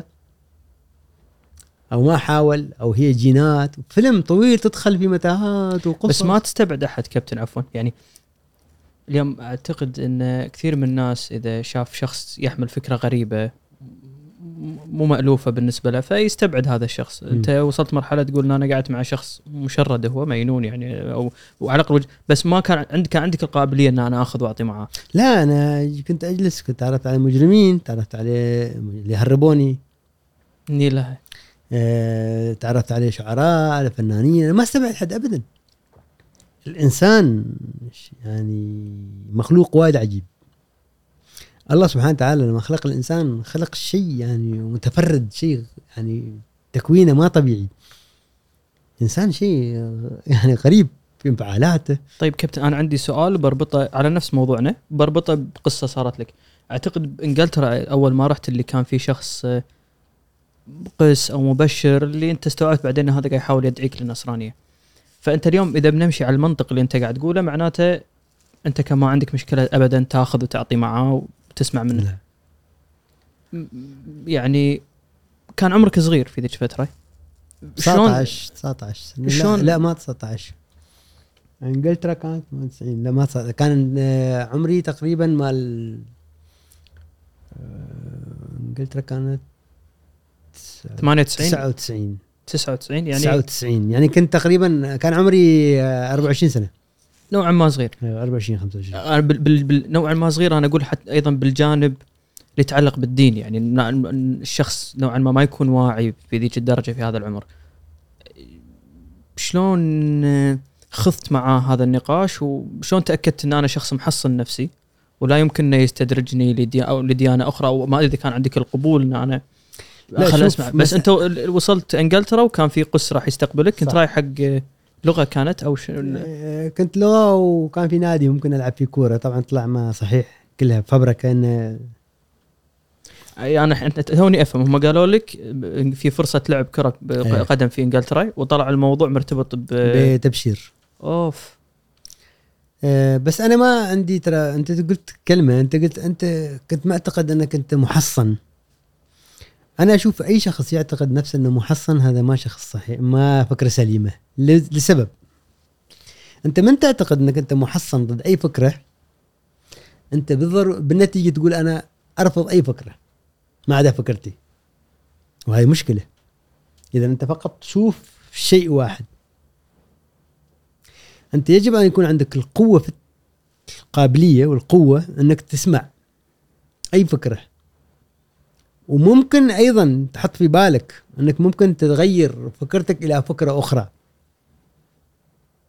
ممكن. مم. الحين يجي لك واحد يقول لك لا. حتى بما يتعلق في الدين؟ أيوه بقول لك ليش؟ الدين يامر كذي ترى على فكرة. أنا أستدل لك من الدين. الدين قريش كانت في دي اديان تعددية. تعبد أكثر من إله وما تؤمن بالتوحيد. عندها دين. عندهم أديان. إذا كان القرشي القريشي محصن يريد نفسه يكون محصن ما بيقبل ولا واحد دين دين الله سبحانه وتعالى ودين الإسلام. صح؟ طبيعي. فإذا نفس المنظور. إذا هذا الدين اللي أنت مؤمن فيه قوي بما فيه الكفاية باعتقادك فكريا بتبقى فيه. ما عندك مشكلة. إذا أنت اكتشفت إن هالدين ما قوي فكريا. هو أساسا الدين إذا ما إيش المشكلة يعني أنت لازم تاخذ دين قوي فكريا. فأنا ما كانت عندي بأمانة عشان أكون وايد دقيق وأقولها بشكل عفوي وحقيقي. أنا ما كانت عندي مشكلة إن أنا رايح أصارع إن ما أريد اصير مسيحي. بس أنا ما اقتنعت إن اصير مسيحي. هني فرق. بس كان عندك تحصيل وائلي وكشك. ما فقط وائلي وكشك واشياء أخرى حتى يعني غير. طبعا وائلي وكشك وشعراوي وغيرهم مذاهب فكرية إسلامية شيعة وسنة وما أعرف وقصص طويلة عريضة وعندنا اباضيه في عمان أيضا. فكلها مذاهب أنا أعرف عنها شوية أشياء. أيضا اقتناع قناعتي بالله مختلفة. أنا يمكن لو رايح 95 كان ممكن يختلف الوضع. مم. يعني أقل فرق ثلاث سنين بس تقريبا. هاي بس ثلاث سنين. أنت تقرأ فيها وايد أشياء. حلو كابتن أنت تعرف نفسك بال 95 أنا كنت كذي بال 98 أنا كنت بال كذي 95 أنا كنت آه، أفكر عندي أسئلة وجودية. يعني هل الله موجود؟ هل ما موجود؟ مع إني كنت مسلم بس عندي شك في أشياء. وأنا أشوف الشك أول مراتب اليقين. يعني الشك وايد مهم عشان توصل للحقيقة. ترى إذا ما تشك أنت فقط ماشي مع العام.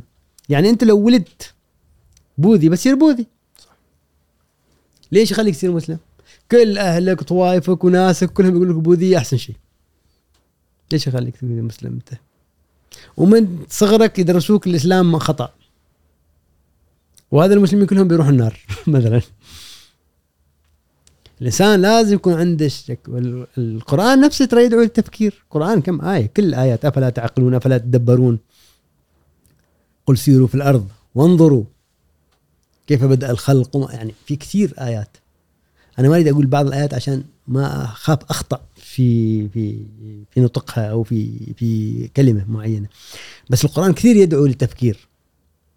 فإذا هو الله يريدك تفكر. الله بنفسه يريدك تفكر. كيف أنت ما تريد تفكر؟ يعني هو يدعوك للتفكير.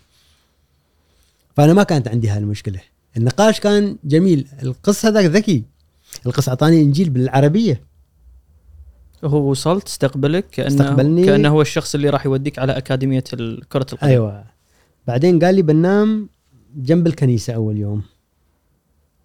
لين نشوف لك سكن لين نتواصل مع الناس لين ما قلت له أوكي ما في إشكال. طبعا نفس كالعادة. مضطر انام ما عندي فلوس أروح أسكن وحدي. دائما أنا منتف. وتذكره انجلترا أذكر كانت صعبة يعني مو اللي هم اضطريت تبيع وايد أشياء عشان. بعت كتاب الجواهري وبعت ما أعرف إيش وساعدني ساعدني صديق اسمه يوسف زدجالي براتبه الجامعي. ما أنسى هالموقف ابدا. يعني هو عنده راتب جامعي ما يمكن يجي 80 دينار 70 دينار أعطاني إياهم هاك هاك الشهر. الناس اللي كانوا مؤمنين فيك. هو مؤمن إنه أوكي يعني هو صديق وأيضا مؤمن إنه شاركك الحلم على الأقل. شاركني الحلم. فكان صعب يعني توصل. لأن علي اشتري تذكرتي بنفسي. هناك عادي قالوا لي يستقبلك وجدي وبعد. على أساس انه رايح احتراف ألعب كورة وما أعرف إيش. مصدق عمري يعني. المهم بس كنت لاعب زين كابتن. يعني في الزمنيه أوكي الزمانات. كبرنا يعني. الزمانات. زمانات. ف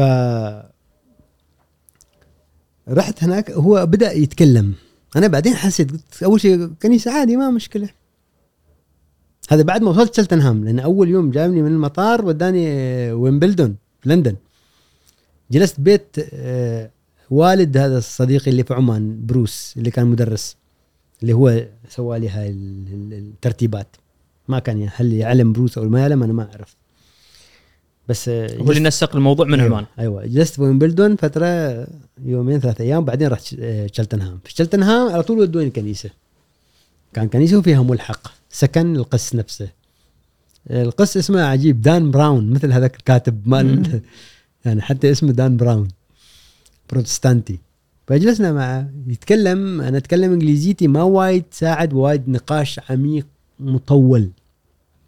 بس أنا كنت أفهم يعني إيش يقول هو لأن أنا فادني أيضا علاقتي ببروس كانت يومية في عمان وهو يتكلم إنجليزي ليل نهار معاه ومع زوجته مع أسرته. هو كان مدرس مدرس في كلية الآداب. فإنجلترا بدأت أتكلم مع هذا القس وبعدين أعطاني إنجيل بالعربية. وأعطاني أتذكر آه، كتيبات صغيرة عن المسيحية بالعربية. أنا كان فادني أنا كنت قارئ التوراة. قارئ الإنجيل بالعربية قبل أن يعطيني إياه. ما شاء الله. أيوه أنا كنت قارئ التوراة أتذكر كانت في نسخة. أنا جبتها من مكتبة في العراق. توراة بالعربية. وفي كان عندي إنجيل. أعطاني صديق آه، مسيحي. فكنت قاري يعني العهد القديم والعهد الجديد هم يسمونه Old Testament New Testament وما أعرف إيش. وطبعا في التوراة تلاقي كثير قصص يعني أنا ودي كابتن أرجع حق قصة أو قصة نهاية قصتك مع مع الفرقة. هذا بصراحة من القصص الفرقة الأردنية؟ كانت غريبة بالنسبة لي يعني. لا نحن كنا في آه، أنت الحين مطرب number 1 عندهم؟ ها؟ موال موال عراقي. أيوه. قالوا تعال بنروح حفل. هم يوم من الأيام دخلت أنا عليهم هذا بر ما غنينا كل ما يقولون تغني وما نغني ما نغني. آه ما غنيت ولا حفلة الحين. لا يعني مره مرة واحدة بس دخلنا سويت موال آخر شيء وروحت وما حد سمعني يمكن. وهذا بس بعدين قالوا لي في آه، طالبين يعني فرح هم يسوقوك. إن عندنا مطرب عراقي. هم هم هم كذي كفرقة. ما مهم أنت تغني. بس عشان تتعاقد معنا مثلا هذه الحفلة نحن نطلب زيادة لأن إحنا جايبين مطرب من العراق. نجم. النجم النجم تعبان. النجم ما عنده أي شيء. فيجيبوا مطرب عراقي. مسوي كت شوي عشان طيح اللعبة. طيحت عليه. خليني أشرب شوي. اي خذ راحتك.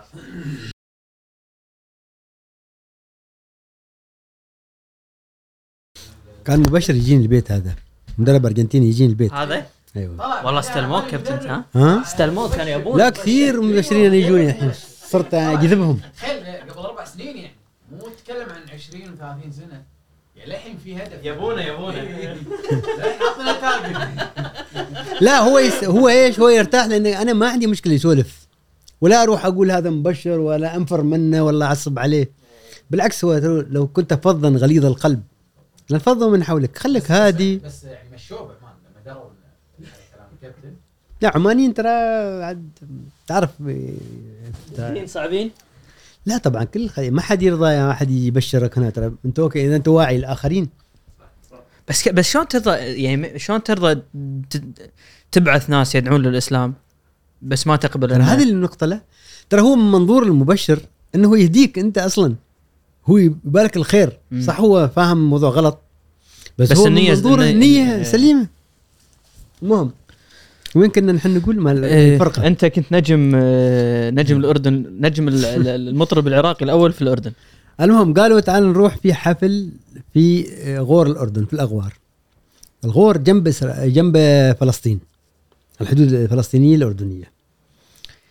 طبعا نحن كل تربيتنا أفكارنا بنشوف فلسطين بنشوف قالوا لنا إنك تقدر تشوف فلسطين يعني. رحنا هناك أنا مستمتع بالرحلة كلها. وطلع يعني يعني الحفلة مال شخص غني جدا. يعني الشيخ كبير هناك في الغور ناس عالم جاية. فرقة تغني وما أعرف إيش وأنا خلوني ادور كذي أشوف فلسطين وأرجع مني أشوف. آخر الليل قالوا تعال دورك. بتغني؟ ليش أغني الحين أنا؟ أغني جادك الغيث وإذا الغيث هما. ما ينفع هذا لا، ما ينفع معهم اسوالف المهم أنا تميت اطقطق أي شيء أقول أي شيء يعني.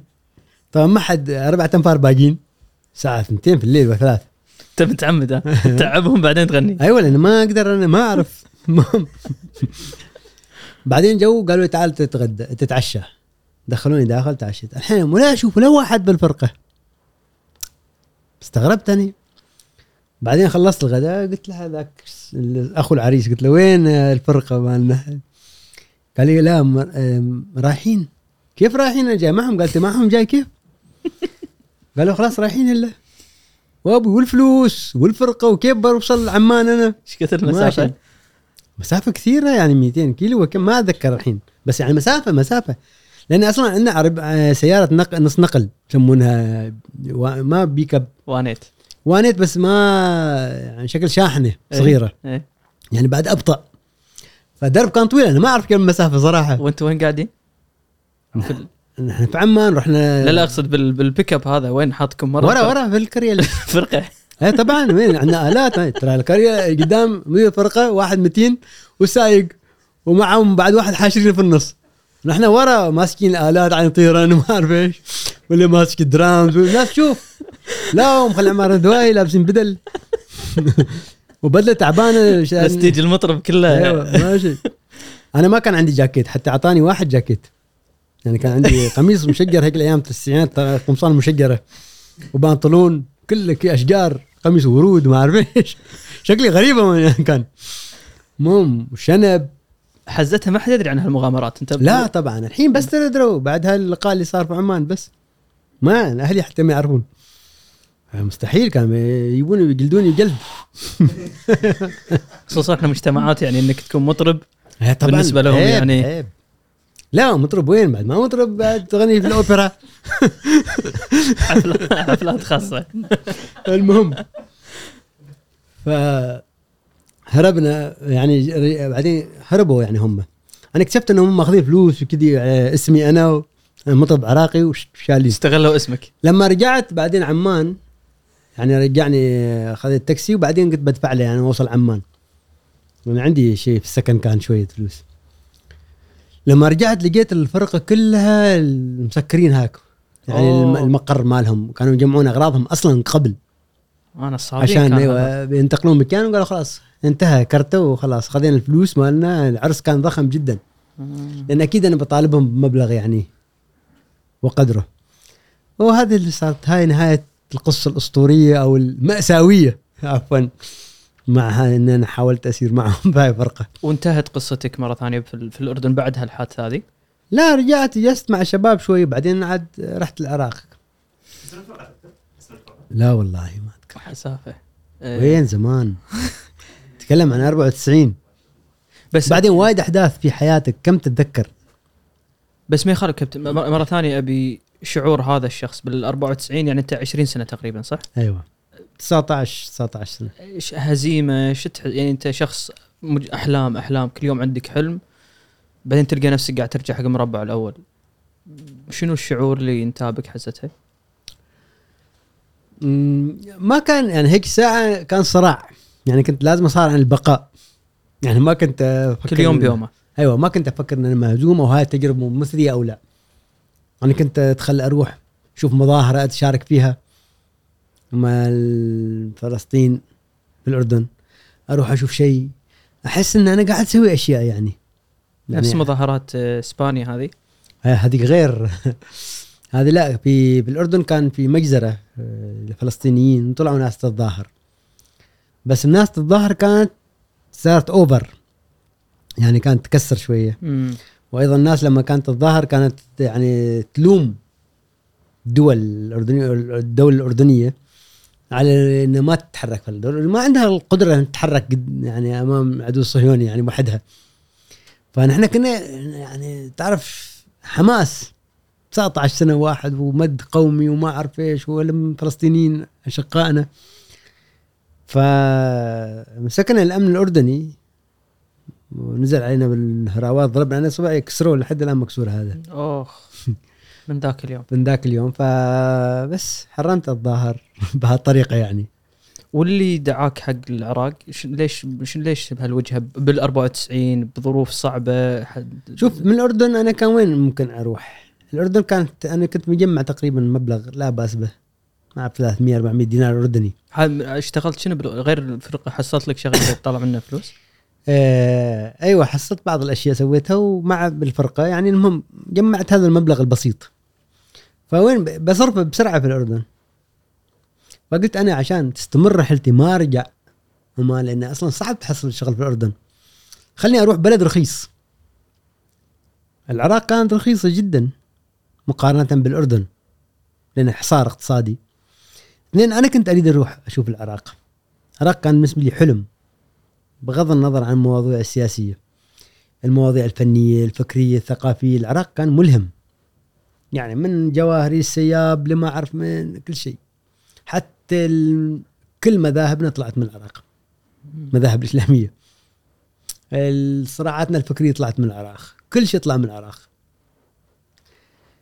فكنت أريد أشوف العراق هذا بشكل وكنت أريد أشوف عريان سيد خلف أريد أشوف بعض المطربين بعض الفنانين كنت حالم طبعا بس آه، كابتن تسمح لي بسؤال أول شيء آه، قد يكون حساس شوية فتبي نشيله نشيله نحطه لا، لا، نحطه لا، بس عادي. أنا أنا شخصيا يهمني وأنا بسألك هالسؤال لأن أنا عارف رحابة صدرك وإن شاء الله ما تأخذه بال- بالفكرة الخطأ بس العراق 94 توها طالعة من غزو. الكويت أيوة. ونوعا ما مدمرة على على على على مستوى شعوب خليجية الكل كان متعاطف مع الكويت وضد العراق. ف بهالتوقيت قررت تزور العراق. ما أثر هذا خصوصا أنت مو شخص كنت بعيد عن السياسة. أنت شخص مهتم مطلع عارف الحق من الباطل. فأنا مجرد أستغرب هذا التوقيت. ما أثر عليك موضوع إيش كان إيش كان يمكن أنا كنت صغير حزتها بعد. ما أدري شلون ردة فعل الناس لا شوف الكويت موضوع الكويت واضح. يعني في غزو على الكويت كو- وهذا الغزو قرار الغزو على الكويت هو دمر العراق أصلا. يعني ما دمر الكويت دمر العراق أكثر من الكويت. دمر الكويت أكيد. وتعب الكويت تعب الخليج وتعب الوطن العربي كله. الوطن العربي قبل غزو الكويت وبعد غزو الكويت الوضع ما صار نفسه. تغيرت كل شيء تغير وايد أشياء تغيرت. حتى النفوذ الإيراني تغير كل شيء تغير. مم. وسبب هذا الخطأ الكبير. لكن أنا مثل ما قلت لك أنا رايح العراق أشوف أشياء أخرى مم. أنا ما يعني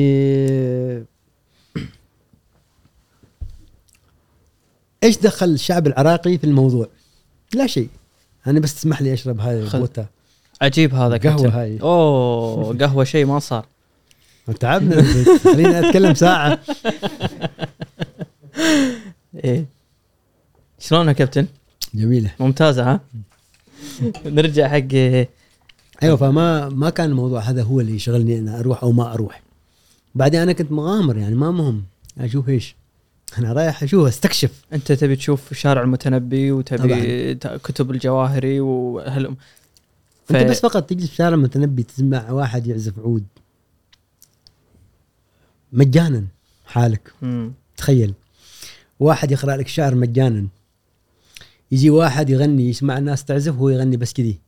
أنت كل هاي الخدمات في أوروبا تروح تسمعها تدفع فلوس عليها. يعني تروح مسرح تدفع تذكرة وتسمع ما أعرف إيش عشان تسمع صوت جميل أو موسيقى في شارع متنبي عادي بلاش. ناس جالسة كذي.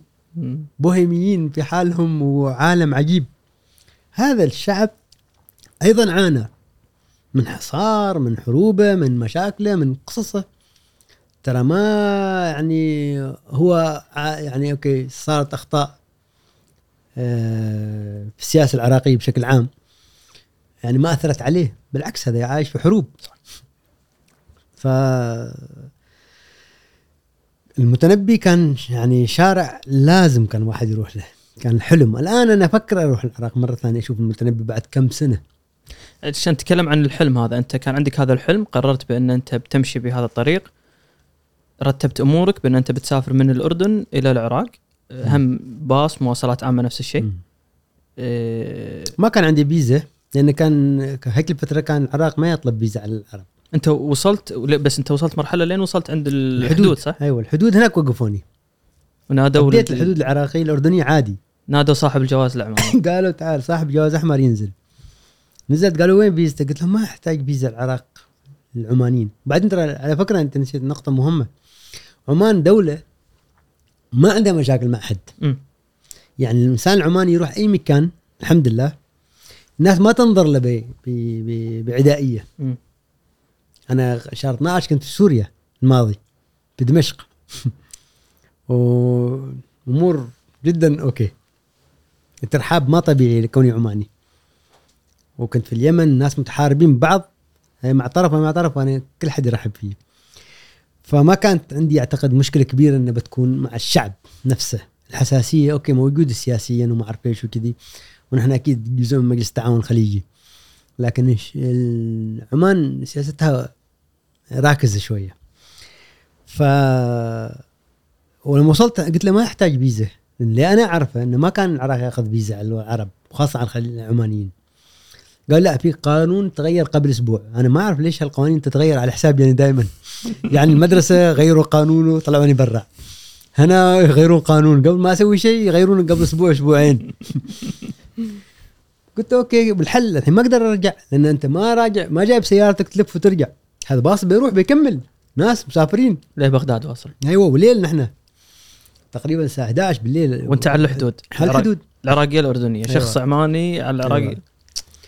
فانزل قالوا لي انزل عادي أصلا بروح نزلت أنا آه إيش أسوي؟ أقدر أجلس هني؟ قال لا نقطة أمنية ما تقدر تجلس هني، زي وين تروح؟ قال ما نعرف روح. الضابط غريب كان. وأعتقد في هيك الأيام صارت يعني ساير ساير شوية ربشة يعني. مم. المهم رجعت أنا أمشي مشي الفرق هو يعني شارعين آه، في منطقة آه، طربيل أعتقد آه، المنطقة هذيك في الأنبار. مسافة للحدود الأردنية مسافة مسافة تمشي. الحين أنا ما أعرف وضع الحدود الأردنية، بس أنا أتذكر الناس تعرف. وأكيد ناس يسمعونا وعارفين وين كانت الحدود في ال 94 نقطتين تفتيش. كانت فعلا في مسافة لازم تمشيها بسيارة أو بمشي. أنا كنت أمشي كيلو عدى كيلو ظلام ما تشوف شيء. ما منار الطريق. ابدا. فما في حل أنا تعب بعدين ما في سيارة بتوقف لك وأنت ماشي فجاه ما حد يستوعب واحد في الصحراء ماشي في الليل أوه. أنا وين هذا؟ بس كابتن مرة ثانية بهاللحظة أنا بعرف في خوف في في شنو شنو يعني أنت شخص. شخص معلق بين الحدود الأرد... أنت شخص عماني معلق بين حقوق الحدود الأردنية والعراقية عمرك 20 سنة تملك من المال شيء بسيط لا ما كنت خايف بس كنت متعب وكنت حزين ما رحت العراق ما دخلت يعني هنا هنا انت شعرت بإحباط انت تقول انكسار هذه فعلا لحظة انكسار ان أنا ما دخلت. وأنا جاي من هناك ترى الدرب ما سهل. يعني ساعات أنت تسافر من عمان لين الحدود. يعني ما ما ساعة. كنت بس أفكر إيش أسوي يعني. تعرف غير الجوع أنت في الباص. غير ما أعرف إيش. غير التعب. فإيش يصير؟ مشيت مشيت فترة ولقيت أضواء بعيدة. تختفي وتنور أنا ما أعرف هاي. أنا قلت يمكن ناس جالسين سهرانين شيء بروح معهم أنا. فرحت باتجاه الجنوب. مشي. قطعت الشارع الثاني اللي جاي ورحت سيدة مشي مشي أمشي أمشي أمشي أمشي. ليه تختفي إضاءة تختفي. ما أدري كم كيلو دخلت داخل أنا. بعدين هناك ما حصل شيء أثاري هذه بعدين اكتشفت يعني بعدين المخ... المهربين خبروني. هم سيارات تهريب إيش تسوي؟ تولع النور وتطفيه. بس فقط تشوف المكان هين عشان ما تخليه شغال سهل يصيد يصيدونهم. مم.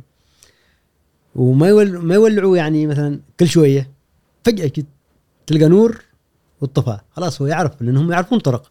بس أحيانا عشان يحتاطوا هم وين؟ ما كان GPS. عندهم ولا شيء. فأنا كنت أعتقد إن في ناس هناك مقيمين بدو أو شيء. المهم أروح أروح أروح كذي. لين بعد فترة شفت سيارة. جو سيارة شاحنة وقفوا فيها عراقيين.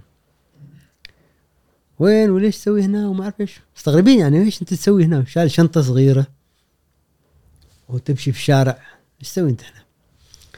قلت لهم أنا كذا كذا أنا كنت جاي ادور حد هنا قلت يمكن شفت الأنوار. قالوا لها أنوار نحن نشغلها ونطفيها بسيارات تهريب. لا قال سيارات يعني ما قال تهريب في البداية. قلت له زين طيب. قال لي إنت إيش تسوي هنا؟ قلت له أنا كذي قصتي. قال لي إنت الحين جاي غلط؟ أنت هنا يمكن تغيب تضيع إيش رأيك أوديك العراق؟ قلت له كيف توديني العراق؟ قال عندك فلوس؟ قال عندي يعني مبلغ معين. قال زين أعطني جزء من المبلغ هاي واديك العراق أنا. كيف توديني؟ قال تهريب. هنا هذه المشكلة. تهريب زين. إذا مسكونا قال لي اعدام أنا قلت لا ما- اعدام ما يصير. أنا أشارك في الموضوع. خلاص خليني أبدأ. اهيم في الصحراء ولا نعدم مع صدام؟ صدام ما يتفاهم. يعني أنا آه، قالوا لا عادي. ترى نحن نعرف الطرق ونحن مجربين ونحن إذا بنعدم بنعدم كلنا. أكيد نحن ما بنجازف بك يعني. المهم هي فكرة أنه أوكي أنا فكرت في هيك اللحظة بفكره مجنونة. هل أنا أستحق أعيش؟ إذا أنا أستحق أعيش ما, ما بموت. وهي عمر واحد. وإذا أنا ما أستحق أعيش ترى بموت عادي. سواء ركبت مع هله وما مع هله ما أعرف ليش جاتني هالفكرة كذي. قالوا لي أوكي كذي. تركب ورا. ورا عندهم أدوية وكراتين وصناديق. يهربوا أدوية. كان يجيبوا أدوية من الأردن يبيعوها في السوق السوداء ويجيبوا أشياء يعني أكيد. وغطوني بشيء طربال نحن نسميه ما أعرف إيش يسمونه. تربال طربال. ترى المشكلة زين اللهجه شوي. متقاربة. أيوه بس ما أعرف الوطن العربي إيش يقولوا الناس الثانيين. المهم غطوني بقطعة كبيرة من القماش الغليظ. هذا يمكن نفسر طربال كذي. قالوا لا تتحرك ابدا. كم بروح ست ساعات سبع ساعات ما أعرف كم. أنت تجلس كذي. فترة طويلة ما قدرت تقوم لأنك مغطاي. ومتعب. المهم راحوا شوي ووقفوا. يعني ساعة ساعتين وقفوا. هم قالوا ست ساعات بساعة تقريبا وقفوا. فأنا خفت هنا. قلت أكيد هذا اللي الآن بنص الصحراء. مكان آمن عندهم ربعهم بيجون بيشيلون أغراضي ويرموني أو يمكن يقتلوني عادي. كان معك شيء يسوى حزتها ولا؟ يمكن أشياء فلوسي أي شيء. بسيط حتى يعني. ترى مهربين أنت ما تعرف. مم. أنا أعتقد بهم سوء الظن يعني سوء النية. فقلت أنا الحين إيش أسوي؟ حتى لو أريد أقوم ما أقدر لأنها مربوط أصلا ما تقدر تقوم. فأنا قاعد أفكر بسرعة إذا هلا فتحوا اسمع أصوات برا يتكلمون. قلت إذا فتحوا على طول أنا بنط بطير بهرب يعني. بعد شوية السيارة تحركت عادي ما صار شيء. جلست. لما وصلنا على مشارف بغداد قالوا لي بطلون هناك دي ودونا مطعم. قالوا نحن نجينا من الموت كلنا لأن كانت في سيارة مكافحة تهريب وقفتنا إن هم يسوون. يروحوا في الطريق البر بعدين يجوا الطريق العام بعد مسافات. لكن صارتهم دورية قالت لهم نريد نفتش أوراق وما أعرف إيش. وبعدين هاي الدورية سبحان الله الله من رحمته يعني. خلى إن عنده مكالمه شيء راحوا. سبحان الله. ما خلونا. نجينا هالمرة ودخلنا العراق تهريب. إلين استوعبت؟ استوعبت شغلة مهمة. استوعبت لما وصلت بغداد بديت أفكر أقول الحين أنا كيف سويت هاي يعني وليش دخلت؟ لكن تعال المشكلة كيف بطلع من العراق بيكون جنون إنك تدخل تهريب وتطلع تهريب. يعني ما معقول. بعدين من أنت تجيب مهرب؟ من أنت تعرف مهربين أنت؟ تروح في الشارع تقول حد مهرب هني؟ ما يصير. تفضح نفسك. وبلد كان وايد أمني على فكرة جدا أمني. مرة ثانية في ال 94 94 كان جدا أمني. يعني أنت تلاحظ الناس كلها موسوسه يعني بين في سعادة في ثقافة في فرح في كل شيء وأيضا في قلق من الشارع. وهاي مشاهدات وايد مهمة إنك تشوف الناس كيف. يعني جاي من بلد كل الناس ما عندها قلق أمني. أنا من عمان جاي بلد كثير مبسوط ناس هادية. وحتى يعني آه، أسوأ العقوبات رحيمة تعتبر. يعني ما حد يقتلك لو عارضت حتى. بأمانة. مم. فكثير وضع مختلف. هناك أي شيء ممكن تصير يصير. يعني هذه. بس بالنسبة لك هالمشاهد أيضا ثمينة تحب إيه تشوفها طبعا لازم تشوف الناس كيف قلقة كيف سعيدة. كل هالأشياء ترى مهمة. الحزن ترى حالة إنسانية القلق حالة إنسانية سعادة كلها حالات إنسانية مهمة. وتعلم. بعدين عاد تذكرت أنا كنت أراسل شخص بالمراسلة أيام مجلة ماجد أيام الطفولة وذكرت عنوانه. كنت تراسله مراسلات عادية أيوة. ورسائل موجودة لين اليوم. أنا في جلسة كرك أحد بودكاستات العوانية آه، ور- رأويت الم- المذيع الرسائل. كنا أطفال نتراسل يعني. أهلا بك من العراق وأهلا فيك من عمان وأهلا فيك كيف الأهل وكيف بس ما في حوار. كله كذي. فرحانين تجيك رسالة في البريد بس. يعني كان شيء عالم عجيب بالنسبة لي. إن أنا تجيني رسالة من بلد من الجزائر من العراق من ليبيا من مصر. اذا أنا موجود في هالمحيط العربي وأنا لي شخصية. ما أعرف انها هي وتروح تنتظر. يعني أنت في الحار الوحيد تجيك رسالة من الجزائر. أنا كان بالنسبة لي شيء وايد مدعاة للفخر. الجزائريين مهتمين يرسلوا لي رساله مهتمين بمحمد البلوشي. أيوة ولا شيء هم أصلا. ترى هي بنت جزائرية صغيرة. قدي كانت في مجلة ماجد تراسلني. واحد عراقي وواحد سوري وواحد ما أدري إيش ناس. بس أكثر مراسلاتي كانت في العراق. بس جميل الشعور قصدك في جدا. جميل شعور إنك تروح البريد تستلم رسالة وما تريد تراوي حد من ربعك تفتح أنت أول شيء تقرأ وبعدين عاد تراويهم. تعال شوف هالطابع تعال شوفها في علم فلسطين تعال شوف فيها الجزائر وهذه واحدة من الجزائر شوف كاتب يسلم على الأهل يسلم على عمان. شعور كذا كبير نحن صغار ترى تعرف أفكارنا وايد يعني. بس لها بسيطة. لا لها شغلة خاصة فيها الرسالة اليوم يوم ابتعدنا عنها بعد التكنولوجيا يعني تعتقد طبعا لها شغلة خاصة. أنت كيف؟ كنا نحن ننسق الخط وصغار كل واحد يحاول يكتب أجمل خط لأنه ما فيك طباعة. أنت تكتب بيدك. آخر شيء وأنت طفل البنت يعني تسوي سوت مثلا ترسم حمامة ترسم عود شجرة. أو وردة أو إيش أنت تطير. ما شايفها تعرف عنها شيء وأنت طفل. أو شاب زميلك يعني أو طفل زميلك آخر في بلد آخر. يعني يقول لك كل أهل بغداد يسلموا عليك. جملة نحن ما نسمعها. من أهل بغداد يعرفون يعني يسلموا عليك كلهم وأنت ترد العمان أيضا يسلمون عليك. فكان كان لها ميزة. وبعدين كنت أنت تهتم بالتفاصيل. ترى نحن الآن حياتنا الحالية غابت عنها تفاصيل وايد. في العلاقات الإنسانية. أنا دائما أقول البشرية تطورت. تطورت ماديا وروحيا. طبيعي. الإنسان البدائي أول اكتشف النار هذا تطور مادي. اكتشف الملابس. ليش الإنسان بدأ يعني يتطو... من التطور إنك تلبس ترى. الآن يفكرون إن التطور إنك تتعرى. هذا خطأ. مم. الإنسان كان عاري. صح. شبه عاري. الانسان اخترع الموضة واخترع الملابس واخترع إنه يلبس ويستر نفسه ويقدم نفسه بشكل جميل. بدل ما يحط آه، ما- يعني ع- جسده متاح لكل العالم. أوكي؟ هذه فكرة. فالإنسان تطور ماديا اخترع السيارة الموبايل ما أعرف إيش طور تطور رهيب ماديا. وأيضا تطور في الجانب الروحي اخترع الرسالة اخترع القلم اخترع ال- الشعر عفوا الموسيقى للتعبير. مم. اخترع ان يقدم يقطف وردة اهتدى ويقدمها لحبيبته. صار جزء من من المحبة. لكن بقت هالاشياء نفسها ترى نحن لليوم الشعر والموسيقى والوردة هي هاي. فما تطورنا وايد روحيا بقدر ما تطورنا ماديا. مم. يعني شوف وين وصلنا عصر التكنولوجيا وموبايل. نحن نفسه هو اللي يغني كان عنتر بن شداد يرسل شعر ولا اليوم تاخذ شعر مثلا نزار قباني وترسله حال حبيبتك؟ طريقة نقله فقط هي اللي تطورت. وبعد صارت طريقة نقله هي طريقة نقلة مادية في مادية. النهاية. ما أبدعت أنت في إبهار حبيبتك. ولا أبدعت هي في إبهارك أنت. يعني أنت لازم تسوي شيء غير مألوف. فكر في شيء ما مألوف عشان هي تنبهر. مم. وهذا يعني ماركه مسجلة باسمك أنت أنت كذي. أنت تعشق بطريقتك. وهي تعشق بطريقتها لازم. الآن نحن نعشق بطريقة كل العالم.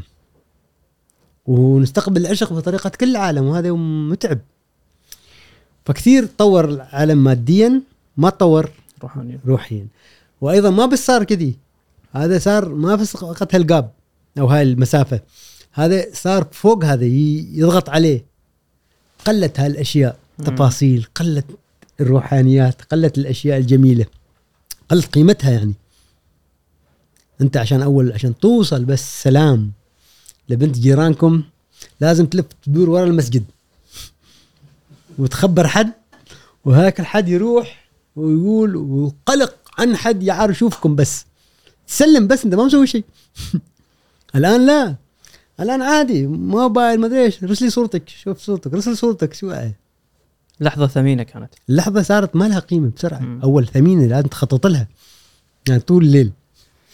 فكانت عندك مراسلاتك مع مع واحد شخص شاب أنت- عراقي صغير آه، طفل عراقي صغير. طبعا كبر أكيد مع ما أنا كبرت أنت كنت تسلم عليه وهو يسلم عليك. أيوه. هذه مراسلاتكم. ونسلم على الاهل وعراق وكيف هم مشتاقين وما أعرف إيش وقصص ما منها فايدة. يعني عادي. مجلة ماجد قلت لي كابتن. كانت مجلة ماجد وكانت بعدين بعض المراسلات اخذتها من آه، التقاط بث الإذاعات. مم. أنا كنت في فترة مهووس بالراديو. الراديو نفس الشيء كان وايد شيء مهم. أطلع فوق السطح وما FM AM AM يجيب لك ال- الراديو. يا مالت مثقفين أيوه يجيب لك راديو مال إيران مال العراق مال البحرين الكويت آه، اليمن. الدول المحيطة بك السعوديه فأنت تلتقط وكان في برنامج طلع لهواة المراسلة أيضا. فبعض العناوين كنت التقطها ب- بالبرنامج غير مجلة ماجد. هذا في مرحلة م- متأخرة شوية. مم. المهم كنت أراسل هذا الطفل وأنا كنت حافظ من كثر أكثر شخص كنت أراسله تراه لأنه تقريبا هو الوحيد اللي أنا أراسله يرد ويرد يرسل ويرد ويرسل نفس القصة ما خلصنا سنوات طويلة. فأنا حافظ عنوانه. هناك عناوينهم ما مثل نحن نحن عندنا في عمان صندوق بريد في مكتب بريد ما عنوان البيت. رمز بريدي تروح في مكتب البريد عندك مفتاحك تاخذ الرسالة وتروح بيتكم. مم. في العراق لا ساعي البريد يوديك للبيت. فأنت لما تكتب تكتب عنوان بيت. فأنا حفظت عنوان البيت كنت حافظه. ما شاء الله. ولين اليوم حافظه تخيل. مم. من كثر ما كنت أردده يعني. ف لأن أنت عفوا حزتها كابتن كنت متوهق. ما أنت ما أنت عارف شو تسوي. أيوه. ولا كنت عارف إن هذا بيساعدني أو شيء. ما كنت. مجرد شخص تعرفه؟ شخص أعرف حد على الأقل في هالبلد. يعني ممكن. أو ممكن لا. يعني يصير شيء. ومبيت ما مبيت شلون قاعد؟ لا لا رحت فندق ربع نجمة. أتذكر هالفندق. وايد تعيس. لليوم ذاكره إيه لأن لازم أوفر. أنا مالي فلوس يضيع أنا جاي أجلس فترة. الخطة كانت كذي. ما بروح بنزل الرشيد. طب طيب عندك السفارة؟ لا لا أنا هارب. أنت تبت مني أهرب مني يمسكوني مني ما يصير. أنا أنا هارب هيك الأيام. الفترة كان في ضغط من الاهل انه لا إيه لازم ترجع. إيه طبيعي. كل الاهل يخافوا على ابنهم خاصة عمره 19 سنة وما يعرفوا هو وين رايح أصلا هم ما يعرفون أنا وين. بس ما كانوا يرسلون لك أحد لا بس هم عرفوا عن طريق الناس اللي في في الأردن. إن أنا في الأردن. لأن ربعي اللي في الأردن واشوا لأنهم قلقين كانوا. قالوا لا تخافوا موجود شفناه وأوكي. تواجد في عمان. تواجد في عمان وأوكي يعني حي يرزق. بعدين أنا هربت حتى من ربعي ترى لما رحت العراق وما ب- إيش بسوي أنا. فهناك صارت بتصير أكيد هستيريا. فرحت لهذا عنوان بيته. دقيت طلعت علي طلعت لي بنت. قلت لها موجود فلان الفلاني أنا ما أدري أذكر اسمه. تعرف الآن بيحسبوه على أي مم. طائفة بلد آه، يعني ما تعرف إيش بيصير. صح. قال لي أيوه ما موجود بس هو بيته. هو في الدوام يعني في الشغل. قلت لها أنا قولي لفلان فلاني من عمان صديقة كنت اراسله قالت إيه أنا أتذكرك. أنا أتذكرك أنا حتى بالضبط. كنا نقرأ رسائلك وكنت أنا معه أكتب وأنا فلانة. أخته يعني. وأنا وأخواتي وإخواني كلنا. نعرف قلت له والله شرف وكذي. تفضل تفضل. قلت له لا بروح. بس قولي لي أنا في الفندق الفلاني. بربع نجمة. أيوه بربع نجمة. هذاك فندق عجيب. كان. تذكر الغرفة؟ إيش اللي- يخليه ربع غرفة؟ أذكر أذكر. تعبان جدا. أنا أذكر أنا السرير مائل. فأنت لازم تعدل تحط شيء عشان تعدل نفسك. السرير فعلا مائل. شوف العراق في فنادق ضخمة الرشيد وغيرها بس ترى أنتم مقدرتك المالية. ميزانيتك المالية وأنت تريد تستمر فترة طويلة يعني أنت تريد تستمر فترة طويله أطول فترة يعني إذا عندك 100 دينار لازم تستمر 100 يوم. في فندق تخيل الفندق وضعه كيف بيكون إذا تريد 100 يوم تجلس ب 100 دينار مثلا 100 دينار كويتي طبعا مش. عراقي هيك الأيام ف رحت له. بعدين جاء مسكين الفندق سولفت معه وجلسنا وبعدين ويوم من الأيام أنا خلاص تعبان كنت وقلت بقول له. فقلت له هو تجنن اول ما قلت له إن أنا داخل تهريب خاف وعصب وصرخ بعدين هدى. بعد أيام جاء قال لي لا قال لي أول شيء لا تقول على أحد ابدا أي شيء وجاء قال لي يعني بعد محادثتك حسيت بالخوف أكثر ولا لا بالطمأنينة؟ بالقلق لأنه قال لا تقول حال حد وهي موضوع وايد كبير. أنا زاد قلقي هو زود قلقي. قال لي موضوع ما في تساهل هنا في العراق. أنت داخل بلد تهريب. يعني أنت يمكن يحسبوك تنتمي لأي جماعة. ضد يا تسوي تسرب أخبار يا جاسوس يا أي شيء. وترى تبي شارع المتنبي والجواهري و... أنت جاي ما حد يفكر إنك جاي شارع متنبي تبغى ثقافة وتبغى تشوف آه بس كابتن عفوا أنت طول هالأيام هذه للحين آه، الحلم موجود إن أنا بروح أزور وبشوف؟ لا رحت شارع متنبي طبعا.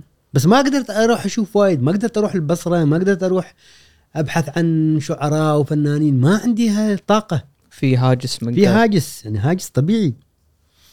ف بس رحت شارع متنبي رحت كليت آه، جيم الرسول رحت آه، قهوة العزاوي رحت أماكن جميلة.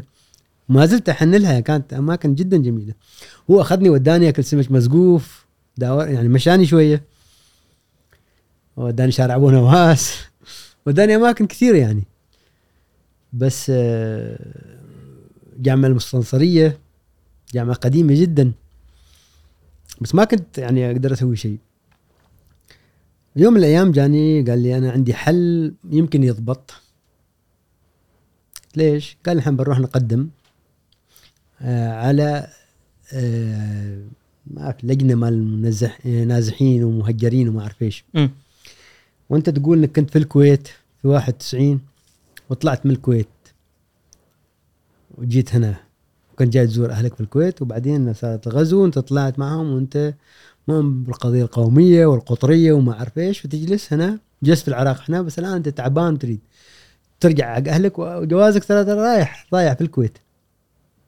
ما تراوي حد جوازك. وأنا أعرف حد يعني يشتغل في هاي لأنه هو أيضا يشتغل في جهة أمنية كان. يعني يشتغل في حرس الجمهوري. يعني كأن هذا توهق الشخص لما أنت قلت له موضوع. في البداية أيوه. بس بعدين شاف يعني قال يمكن أساعد يعني. يمكن سأل حد أو حد قال لي شيء بشكل شخصي. قال ما في غير هالطريقه ويمكن تنجح. فعلا وداني مكان ومكتب ما أتذكر أي منطقة بالضبط. وسوى لي وسألني أسئلة هذاك. وش يبدو إنهم مرتبين هم الموضوع بسرعة. يعني ما أخذ مني لا تحقيق ولا شيء. قال لي متى جاي؟ قلت له دخلت 91 آه شو وين تريد تروح؟ ما أعرف إيش. قال بتروح وين؟ جوازك وين؟ مفقود. قلت له مفقود. يعني كأني يمليك إيش تقول. يعني هو يقول جوازك مفقود أنت تقول مفقود. أنت جايب ال 91 أقول جايب ال 91 ادري سجل. اللي تقوله صح. وين تريد تروح؟ في عندنا معبر من عمان من تركيا من ما ما آه، أعتقد سوريا. قلت لا لا أريد آه، الأردن. لأن أنا طالع من الأردن فسهل أدخل من الحدود الأردنية بالجواز مالي. والأردن شوي علاقتنا جدا طيبة معها دول الخليج. فصار كذا وحلوا المشكلة وارتحت أعطاني ورقة عبور أتذكرها. بعدين قلت أنا خاف هاك الضابط يشوفني. نفس اللي كان في المغرب في الحدود. يقول كيف أنت رادينك وجاي وعماني؟ سهل يذكرك. على طول. أيوة. لكن لا لما رحنا بسيارة بس أعطيت واحد عسكري وتشك، روحنا. مشت الأمور. مشت الأمور. لأن أعتقد هذا الا ال- أعتقد باعتقادي إن هذه الأشياء يعني لما تجي من جهة وايد عالية السياده أو شيء تمشوها بسرعة. ما يدققوا كثير. أنا كابتن برجع آه للحظة اللي أنت عرفت إنه في موضوع تهريب وعقوبته إعدام. إعدام وبربطها بموقف يمكن يله بعدين لما صار موضوع اليمن. مم. أنت كان عندك فرصة بأن تقوم بتدريب المنتخب اليمني؟ هذا حس- الشباب أيوه. للشباب 2011 2011 طيب صارت الأحداث برغم شناعتها وخطورتها أنت أخذت القرار أن أنا أبقى. إن أنت تبقى. إني حق هالمثال بعدين بس أنا لأنه جدا مهم أبي أعرف نظرتك للموت وعلاقتك مع يعني هل هي نفسها بالعراق نفسها باليمن اللي انت لا تطورت. تطورت ما تطورت يعني تطورت كيف؟ يا أخي مفهوم الموت وايد آه، أخذ جزء أيضا كبير من التساؤلات طبعا أكيد. كل إنسان لازم يسأل وين هو رايح. طبيعي. بيسأل أنا وين وين رايح. فبدأت أقرأ كثير. أنا أقرأ حتى عند الهندوس إيش يصير للروح بعد الموت للإنسان. الهندوس عندهم نظرية عجيبة طبعا أنا ما اؤمن فيها بس يعني أحترم آه، فكرتهم. يقول لك هذه الروح الانسان من يموت ما يموت ما ينتهي. جسده يموت لذلك يحرقوه. لكن روحه ترجع للحياة. ترجع للحياة في شيء آخر سواء كان إنسان نبات حيوان. بس ترجع وفق ما هو عمل في الدنيا. مم. أنت عمل في دنياك خير أنت بترجع شخص غني لذلك هم يقولوا في تفاوت. واحد مخلوق غني واحد فقير. مم. هذا الفقير المتعذب هذا كان عنده فلوس وكان ظالم. من مات تعاقب. رجع فقير أو رجع كلب. حاشاك كلب يداور في الشارع. مضطهد. ممكن رجع شوية أقل. مشاكل مسوي وذنوب. يرجع كلب محترم. مربين عائلة وكل شيء يعطونه ويسبحونه ويرتبونه أو يرجع إنسان قبيح شكلا أو معاق. هذا يقول لك عقوبته يعني شيء به- بهالمعنى. هذه عقوبته في حياة سابقة. فمرة ثانية بيعطيه فرصة الآن هذا هل التعبان أو القبيح أو الشيء أو الفقير بيصبر وبيصير شخص آدمي أوكي؟ بيرجع للحياة بشكل أفضل بيطلع زهرة حلوة مم. يطلع عصفور فبدأت أقرأ في مفاهيم الموت من أبي قور من غيره من ابن سينا الروح وكل الأشياء هذه عشان أفهم. أو عشان تكون عندي الحين أنا عندي نظرة إسلامية اللي هي عادية إن أنا بموت. الله سبحانه وتعالى روحي بتطلع للسماء أو عند باريها نحن نقول عاد كيف؟ بأي مغزى نحن ما نعرف. وجسدي بيروح في التراب. ويوم القيامة بيحاسب تبعت هاي الروح بيتحاسب أنا على أفعالي.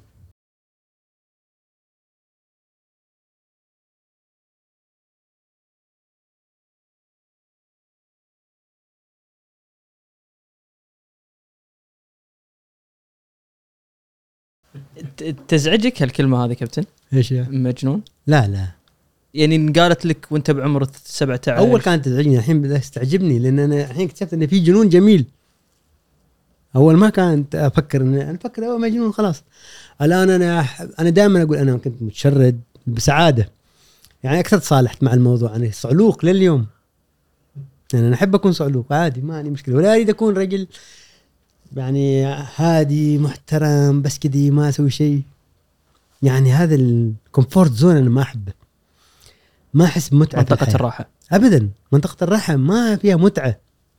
okay مرتاح. وبعدين؟ أنت تخيل نفسك ما عندك أي تحديات. ما عندك شغف. ما عندك فرح. ما عندك شيء إحنا نسجل نحن ولا إيش؟ إيه.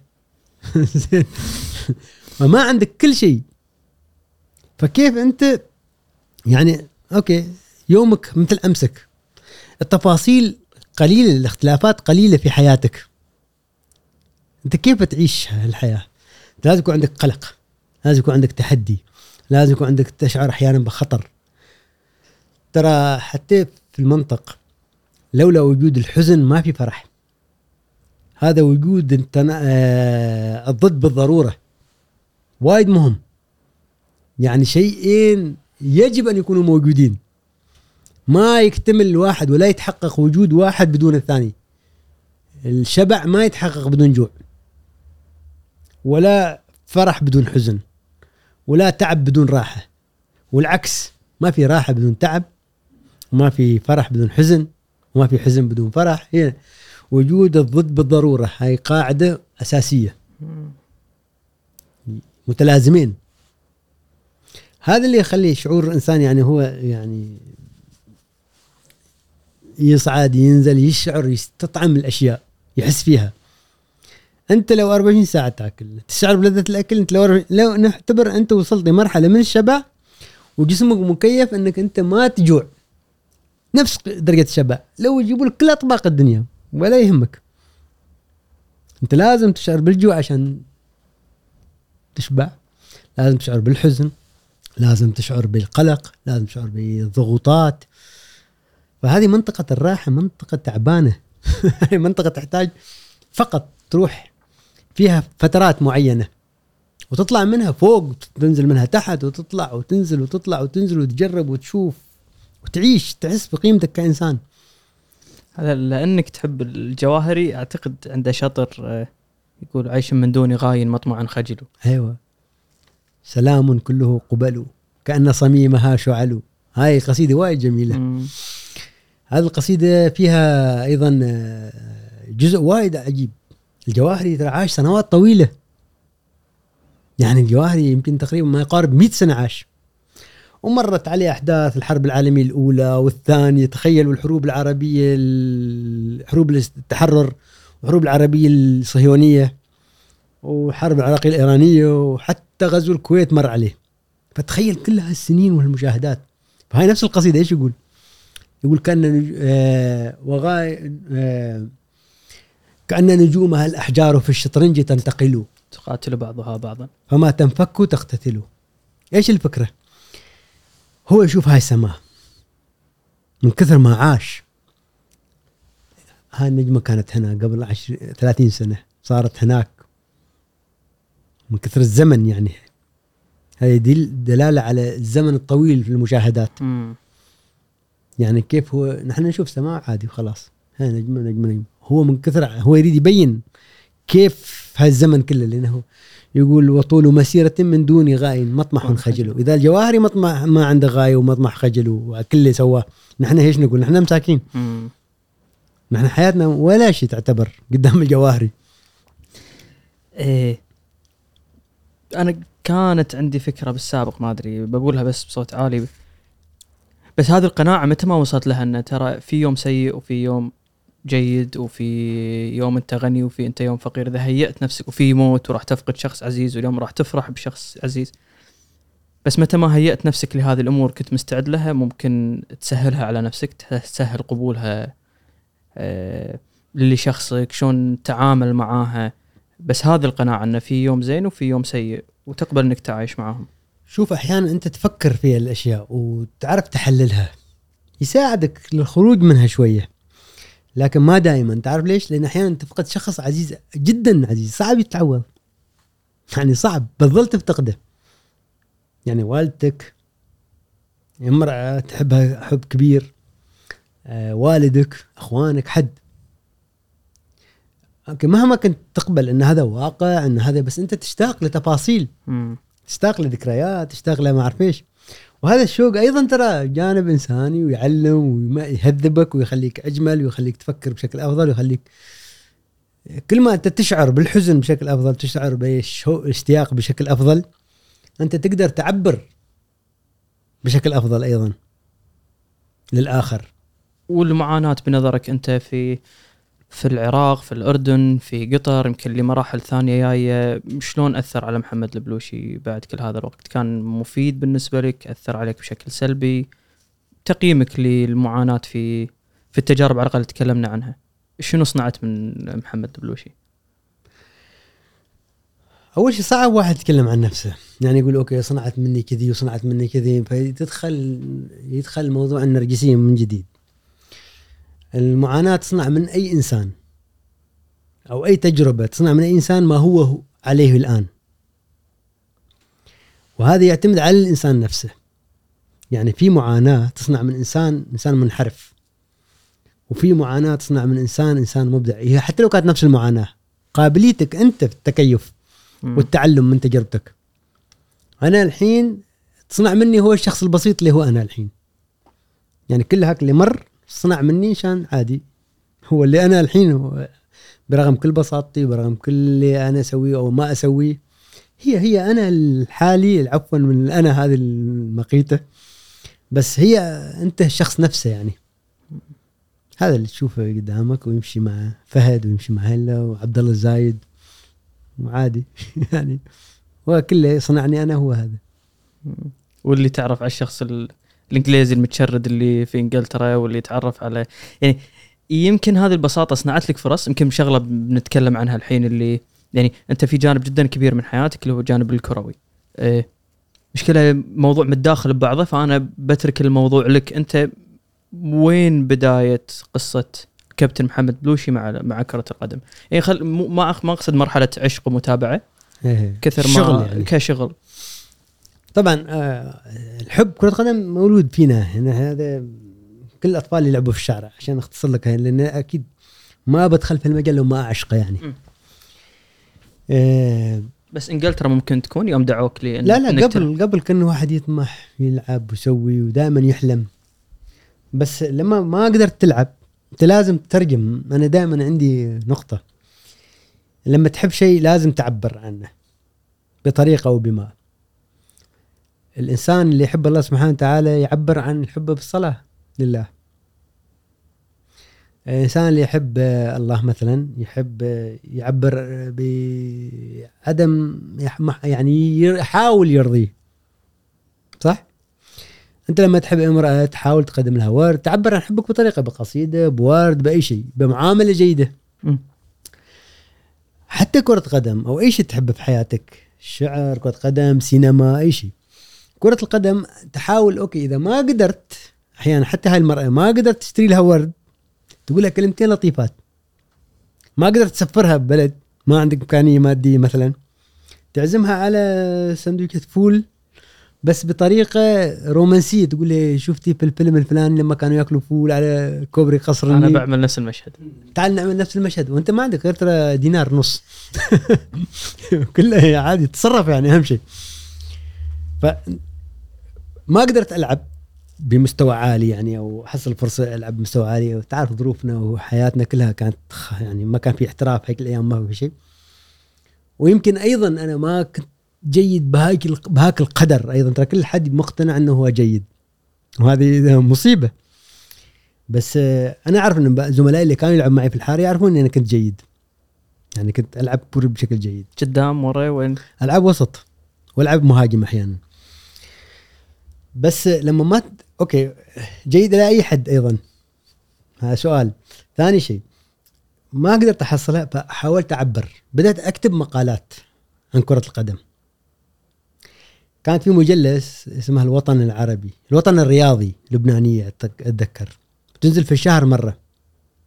جيت أنا جلست أكتب مقال وتحطه باسم مستعار لأن مثل ما قلت لك تجيب اسم محمد بلوشي عمان ما حد يهتم. كتب ميشيل خليل أو ما أدري إيش وكذا جورج ما اعرف من من صيدا. بين لك؟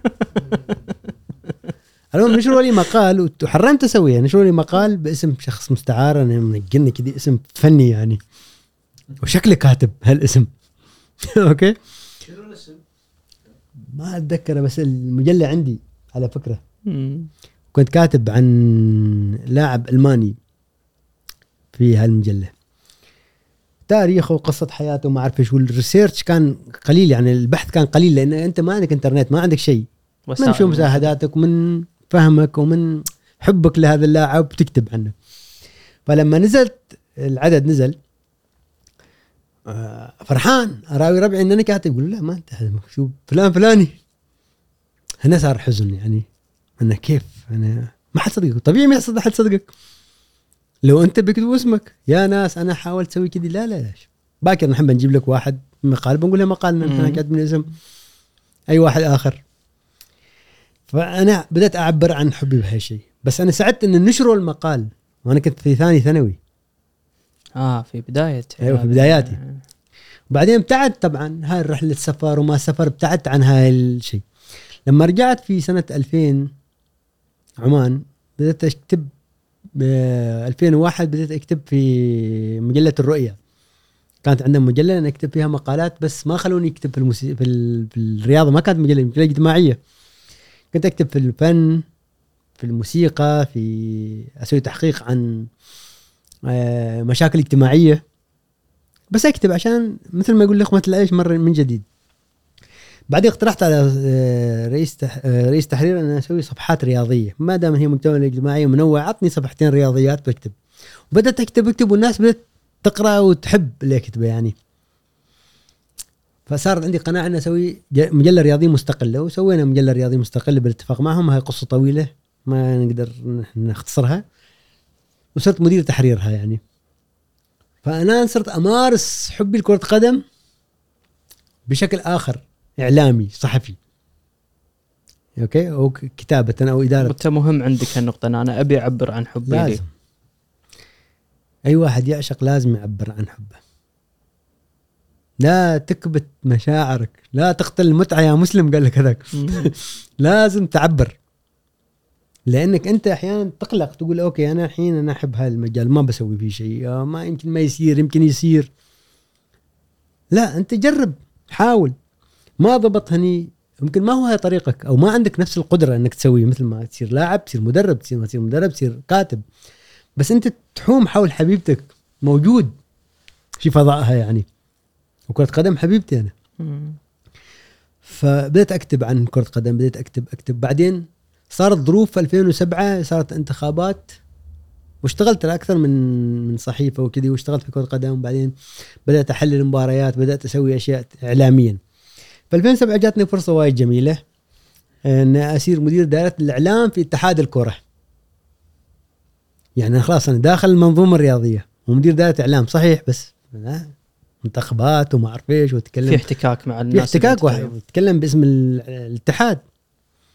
سوى آه، آه، مدير دائرة الإعلام والعلاقات الخارجية لأن أنا عندي كونتاكت لغات وكذي فقالوا نستغلها. وسويت هالعلاقات بالصحافة. لأن كنت أدير شبكة مراسلين وأترجم مقالاتهم من إسبانيا ما اعرف إيش وهلأ كلهم عندهم علاقات already بأندية بنوادي أوروبية فوصلوني عن طريقهم لهاي الأماكن. وأنا أسوي الاتفاقيات يعني طبعا مع المؤسسة لأن أنا مسؤول كنت في في الصحافة على المراسلين هاي. كنت مسؤول القسم العالمي في جريدة استاد الدوحة جريدة قطريه عشان أسوي deal مع ريال مدريد عشان أسوي مقابلات الصحفيين اللي عندي لازم أقدم باسم مؤسستي فأسوي اجتماع. بتعرف على الناس. لازم تعرف تلبس تعرف تاكل تعرف تستخدم الشوك والسكين صح؟ مم. لازم. أيضا تعبر إنك أنت جاي من بيئة يعني فيها ذوق. وكيف تتكلم وإيش تناقش. الإنسان اللي ما يعرفك ما بيشده أنت ما يعرف عن خلفيتك شيء. فانطباعه ياخذه من علاقتك به من حديثك معه من معرفتك من كل شيء. هناك يحكم عليك ما بيحكم عليك. لو جاي أنت بس كذي جاي عربي ومسوي لحية وما أعرف إيش وقلت له أنا 1 2 3 بقول العرب عنده فلوس. وخلاص. لا لا. أنت ناقشة في ثقافته ناقشة في فرانكو كيف قتل لوركا. يقول لا في شيء. فهذا يسهل لك كيف تدخل ثقافه يعني أنت تخيل لو يجينا واحد الآن يحكي لك عن تاريخ الكويت وهو فنزويلي وجاء قال لك الكويت حتى المسرح في الكويت بدأ كيف؟ وعبد الحسين إيش دوره في الحياة الثقافية الخليجية؟ تنبهر. أنت بتنبهر أكيد. فأنت نفس المبدأ هذا أفضل أفضل جواز سفر من إنك أنت فقط تروح تعزمه في بوفيه كبير. تخليه ياكل لين يموت. ما يسوي شيء. عادي ترى بعدين بيجوع. ما بيحمل شيء. أول مرة أفكر فيها من هالزاوية. صدق. فبعدين مع الوقت سوت هالعلاقات. بعد ما صرت مدرب جابوا مدرب من الأوروغواي وكان يحتاجون مترجم. فأنا تركت وظيفتي كمدير صرت مترجم. لأن هنا بدخل الملعب. طاقم فني و... أيوه أقرب. لقلبي يعني الموضوع. ان أدخل الملعب وأشوف التمارين وأشوف وأكون في المنتخب الأول جزء منه من الجهاز الفني كان جيد ما جيد جهاز فني هذا موضوع آخر أنا ما كان يعني لي هالشيء أنا يعني لي ان أنا أسوي شغلي وأكون قريب منهم أنت استدعوك لأن اللغة الإسبانية كانت أيوة، عندك كانت عندي. موجودة وهذا موجودة. تكلمنا عنه بشكل بسيط لما رحت. تدرس لغة أيوة. في في إسبانيا صح؟ آه بس عفوا راح أرد لها بس كابتن هذا ال... بإسبانيا اللي رحت قال لك واحد خلينا نشتغل حرامية. في إسبانيا. لا في إنجلترا. إيش قال لك؟ في إنجلترا أرجنتيني. هذا صديقك الأرجنتيني. كنا ساكنين مع بعض وهذا ما كنا لاقيين ناكل نحن. يعني كنا تعبانين كالعادة. هذا الأرجنتيني نفس وضعك. ارجنتينا اسوء من وضعي. ساكنين مع بعض أنا في غرفة. ونلبس قمصان بعض أحيانا ونلبس ما أعرف إيش وكذي. فكانت في وظيفة في يعني كان في إعلان هو شافه. جاء قال لقيت حل. قلت ليش؟ قال بدنا نحصل شغل. ترى إحنا اشتغلنا في في مطعم طردونا. أوف.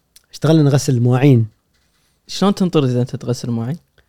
انطرد لأن نحن أول شيء ما عندنا أوراق. أنا ما كان عندي أوراق للشغل. مم. فكانوا يشغلوني كطالب. بالساعات. مم. واحيانا يعني يماطلوا واحيانا يزيدوا الشغل. واحيانا فأنت تتذمر. تتذمر يطردوك. فطبيعي يعني هم ما أنت محتاج فلقى شغلة أحسن منها فجاء قال لي حصلت شغلة قلت ليش؟ قال بنشتغل حرامية قلت كيف نشتغل حرامية؟ قال لا هنا شيء اسمه آي دي باري مثل ما هو يقول ينطق أنا اليوم أقول بنطقة ما اعرف هو قاري صح. ولا لا إيه. يقول لي ID parade ليش؟ يقول لي في هنا شرطه يطلبوا ناس يمثلوا دور مجرمين يعني واحد مثل أنس سرق. okay؟ شكله كذي مثل أنس مجرم سرق. فايش يصير؟ يجون. يعني أنا ما أعرف أنس قاعد أشوف قاعد أشوف يضحك. خلينا نتكلم. بنحط صورته أنس بعدين. لا، شيل زي ما مثل أنس مثل صالح لا أنتم إن شاء الله إن تمون على أنس. بس. اسلم اسلم بيعصب أنس علينا زين. تسلم كابتن. الشرطه تدور واحد ناس شبهه تسوي إعلان نحن نريد واحد اسمر طويل كذي كذي كذي مثلا. أو واحد مثل بول سرق. أشقر طويل عيونه زرق نريد ناس بهالمواصفات. يجون هاي الناس كلهم يشبهون هاي المواصفات يوقفون. فالمجني عليه اللي مثلا بنت ماشية في الشارع سرقوا حقيبتها في الليل شافت واحد بس ما متأكدة من شكله تعطي أوصاف. والشرطه تدور ما بتروح تجيب ناس كذي تدور تمسكه. بس للتأكيد وهذا عرف قديم كان في إنجلترا. يجيبوا ناس شبهه الضحية يمر يقول أيوه هو هذا عشان يأكد. فهم يسوون إعلان يريدوا واحد أفريقي طويل نحن نمشي نحن ما فارق أشكالنا. واحد أرجنتيني وواحد ع- يعني عماني. أشكالنا غير يعني نحن بعض ما نشبه بعض أنا وباولو بابلو. أنا وبابلو ما نشبه بعض. لكن نمشي لأن هيش يعطونك 20 باوند مم. أول مرة خلونا نوقف. إحنا كلهم غير كلهم سمر نحن واقفين في النص. أكيد يعني هي وكنت أنا قلق أول مرة انه إيش؟ انه تقول هو هذا حرامي. تبتدي. لابس بدلة وكرافته ومسوي شعري كذي. على أساس ما يقولوا ان أنا يعني باين محترم. يعني يعني مرتب أيوه ما شكلي حرامي. زين ليش جاي؟ المرة الأولى مشت. المرة الثانية طلبوا واحد أشقر مشينا. المرة الثالثة طلبوا واحد 200 نمشي. ويعطونكم مبلغ مقابل يعطونا. بعدين شرطي قال لنا أنت ليش تجون؟ أنتم دائما ما تشوفوا المواصفات؟ نحن خلينا أنفسنا ما نعرف إنجليزي. بعدين قال إذا جيتوا مرة ثانية بعدكم في السجن هنا ويمزح هو عصب كان ما يريدنا نجي لأن دائما اشكالنا غير غلط. كلهم متشابهين نحن اثنين غير. ليش جايين الا وأي واحد يصير أي سرقة تجون أنتم نحن ناخذ 20 باوند 20 باوند كل أسبوع من كل واحد 20 20 بعدين قال لي لا تجون مرة ثانية. خلاص. خلاص خلصت الشغلة هذه طيب كابتن فأنت كنت مترجم لمدرب منتخب عمان. أول سؤال يطري على بالي إذا تذكر كان في لقطة لمدرب أه، انتشرت أه، كأس العالم اللي فات مترجم منتخب السعودي. أبي أعرف تقمص الدور يصرخ المدرب أنت تصرخ اي لازم. شوف الترجمة حتى كتابة. أنا كنت لما أترجم مقالات عندي كاتب أرجنتيني وكاتب ألماني يكتب بالإنجليزية. كاتبة إنجليزية. سارة وايت. سارة ويليامز سوري. وعندي كان بابلو فرناندو من إسبانيا. عندي باولو كاسيلو من إيطاليا. مارسيلو غونزاليس من البرازيل كلهم شخصيات مختلفة. وكلهم يكتبوا مقالات رياضية. لما أقرأ مقال مارسيلو مارسيلو موسيقي. أنا أشعر أن أكون موسيقي. لازم. عشان تعطي نفس الكاتب في مم. المقال. والأرجنتيني دائما لما يبدأ يكتب يقول أنا الحين صاحي متأخر. هو يكتب. ما أعرف. دخلت في صراع مع زوجتي. أنا أشعر بهالتفاصيل. إن أنا أنا اللي متزوج وأنا اللي داخل في صراع مع زوجتي. والألماني تلقى وايد براكتيكال يعني وايد يعني عملي. 1 2 3 ويكتب. واحد اثنين ثلاثة ومرتب. تستشعرها باختلاف جنسياتهم. إنك أنت ألماني وأنت تترجم. المترجم خاصة المترجم المباشر أو المترجم باللغة مش المترجم كتابة. لازم يتقمص. أنا صارت لي مشاكل مع لاعبين في المنتخب بسبب هالتقمص. الناس اعتقدت إن أنا ضدهم لما المدرب يصير ضدهم. والناس اعتقدت إن أنا أحبهم أكثر من الباقيين لأن المدرب يحبهم أكثر من الباقيين. المدرب لما يشجعك أنت لازم يعني توصل له الفكرة. يعني ما يصير هو الآن يقول يصرخ. يقول لازم نلعب بقوة لازم تقول لازم نلعب بقوة يا شباب لازم ما أعرف إيش. ما يصير. لازم تصرخ مثله. يعني تستشعر هالحالة. أنت أحيانا ما مقتنع. ما مع ما لك علاقة. أنت تلغي شخصيتك تماما. إذا صرت مترجم أمين. تلغي شخصيتك تلغي حتى أفكارك. أنا أشوف لاعب يف- يفترض يلعب. كلنا مشجعين كرة قدم. كل واحد يشوف له رأيه وتشكيله. ما يصير.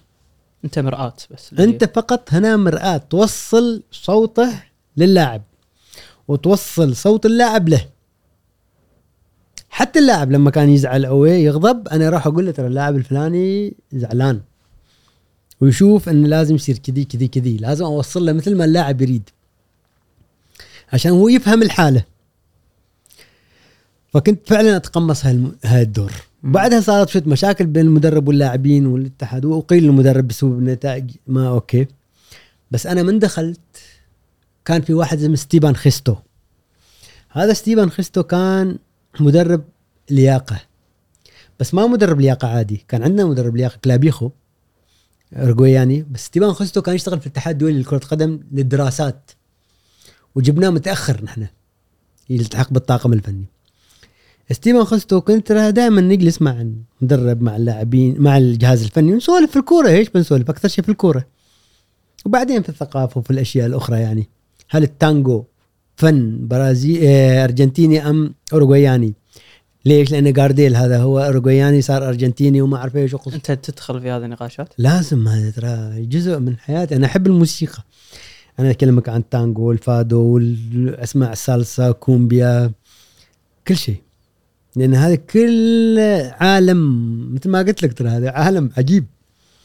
أذنك من يعني إيقاع شعب معين. بتعرف هالشعب ليش سعيد؟ يعني الإيقاع البرازيلي غير. يعكس الإيقاع. الحزن العراقي يعكس الإنسان العراقي مر بحروب طويلة.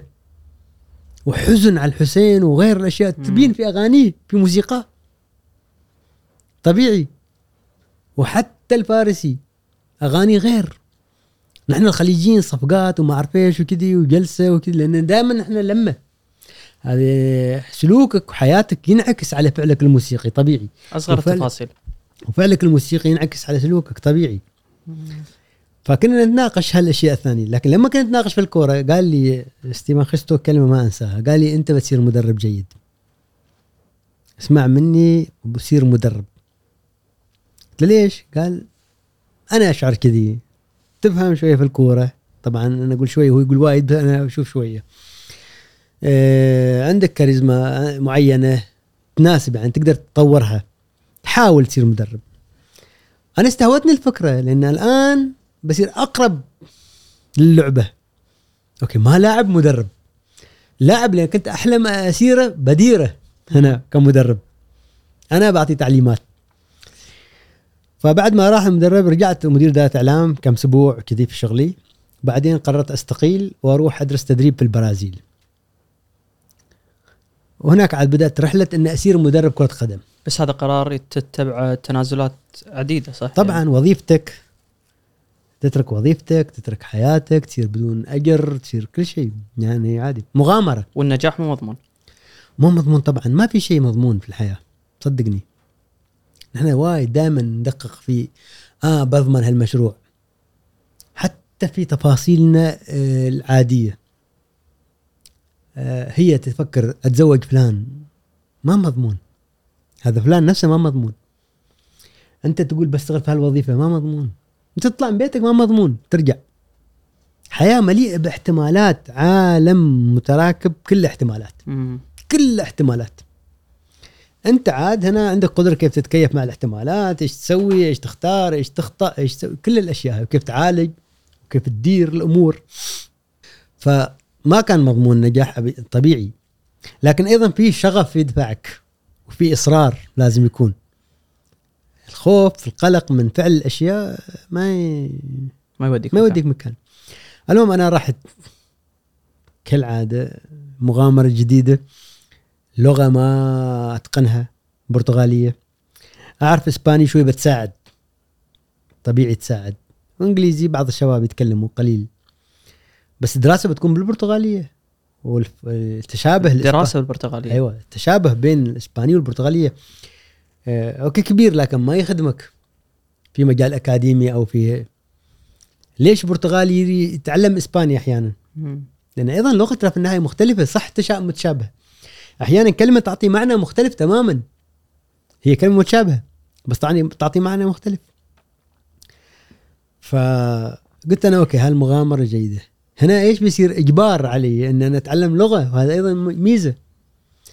يعني إذا أنا ما طلعت شوف في أي تجربة أنا أقول دائما تعطيك آه، شيء تثريك أي تجربة سواء كانت ناجحة أو غير ناجحة. ليش؟ الحين أنا أفترض رحت البر- البرازيل درست تدريب بالبرتغالية. أقل شيء بتعلم بطلع متعلم برتغالي. صح. اذا هذه ميزة. اثنين تجربتي مع الشعب البرازيلي الحياة هناك الناس طريقة تعاملهم. تدخل في تفاصيل فكرية مقارنات ما أعرف إيش. تشوف ليش الشخص اللي يسافر ويرجع بلده دائما يكون عنده رؤية نقدية أكثر؟ للأشياء نقد ذاتي ونقد ذاتي للمجتمع للفكرة له يعني أنت لو تسافر تيجي وشوف شارع مثلا في دولتك تقول لا لازم يكون أفضل. لازم يكون هيك. لأنك أنت المشاهدات تساعدك. واحيانا تشوف أشياء أسوأ من بلدك أكيد. بلدك متطور وايد في أشياء. فتقدر. تقدر طبعا. تقدر وأيضا ما معناته إنك تسترخي. لأن ما إنك أنت متطور عن دولة أخرى أو شيء آخر في جزء. في آخرين متطورين عنك في نفس الجزء هاي. فدائما لازم يكون هي ما يحصل إلا بالمشاهدات بالمعرفة بالالتقاء بال يعني صراع أفكار. فكانت تجربة بتكون جميلة جدا يعني برغم كل قساوتها. رحت ساو باولو استقبلني مارسيلو جلسنا معه. بعد فترة لين يبدأ التدريب لين يبدأ آه، في ريو دي جانيرو بننتقل. مارسيلو في معرفة مسبقة أيوه. مارسيلو صحفي وصديق. برازيلي موسيقي. هو موسيقي أصلا بعدين صار يعني يكتب معنا آه، مقالات لاني يحب كرة القدم. من الناس الشبكة اللي كنت أديرها طبعا وكان صديق في في إسبانيا التقيت فيه. وجاني زارني عمان أكثر من مرة. المهم لما رحت مع مارسيلو جلست معه فترة. وبعدين عاد رحت ريو جانيرو أدرس تدريب. كانت صعبة جدا لأنك أنت عليك تترجم الدرس.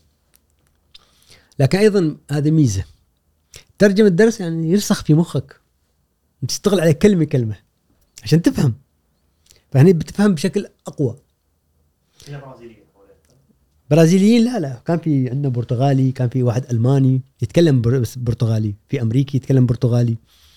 مو- مجموعة كانوا بس معظمهم برازيليين. بدأنا ندرس نسوي اعطونا مشروع تخرج كيف تسوي؟ أنا سويت ميكانيكا اللعب المدة إيش كثر كانت كابتن؟ المدة أشهر لأنه كان أول ليش أنا رحت البرازيل؟ الاتحاد البرازيلي أنا كنت محظوظ. في هذيك الفترة طرح يعني آه، دراسة مكثفة. مكثفة جدا يعني تبدأ الصبح ستة تخلص الساعة 8 بالليل تقريبا. وهذا بيساعدك. ثاني شيء كانت من الاتحادات اللي هي جابوا في هيك الفترة ليش أنا رحت أيضا؟ لأن شفت المدرسين اللي جابوهم في هذيك الفترة حق هذاك هيك السنة مدرسين أبطال كأس عالم نجوم مشهورين. مم.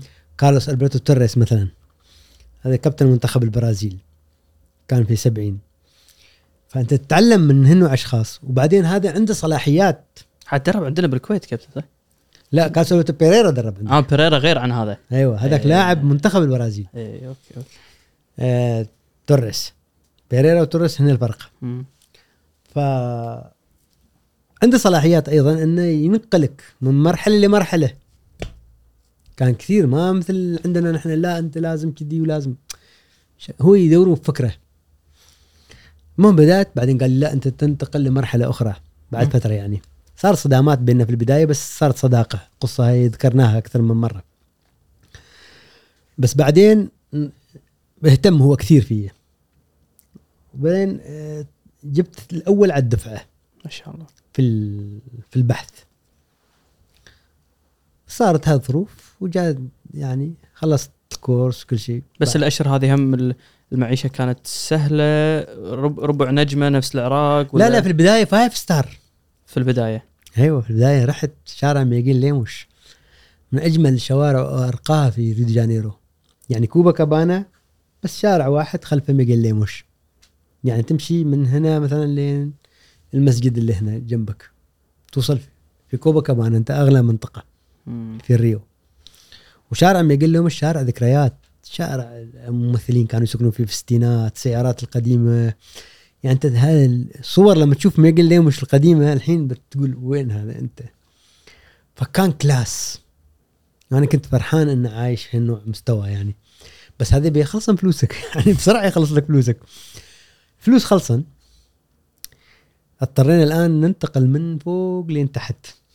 يعني من فوق فوق لين تحت تحت. تحت لوين؟ الفافيلا مدن الصفيح. سكنت عشوائيات. عشوائيات مدن الصفيح.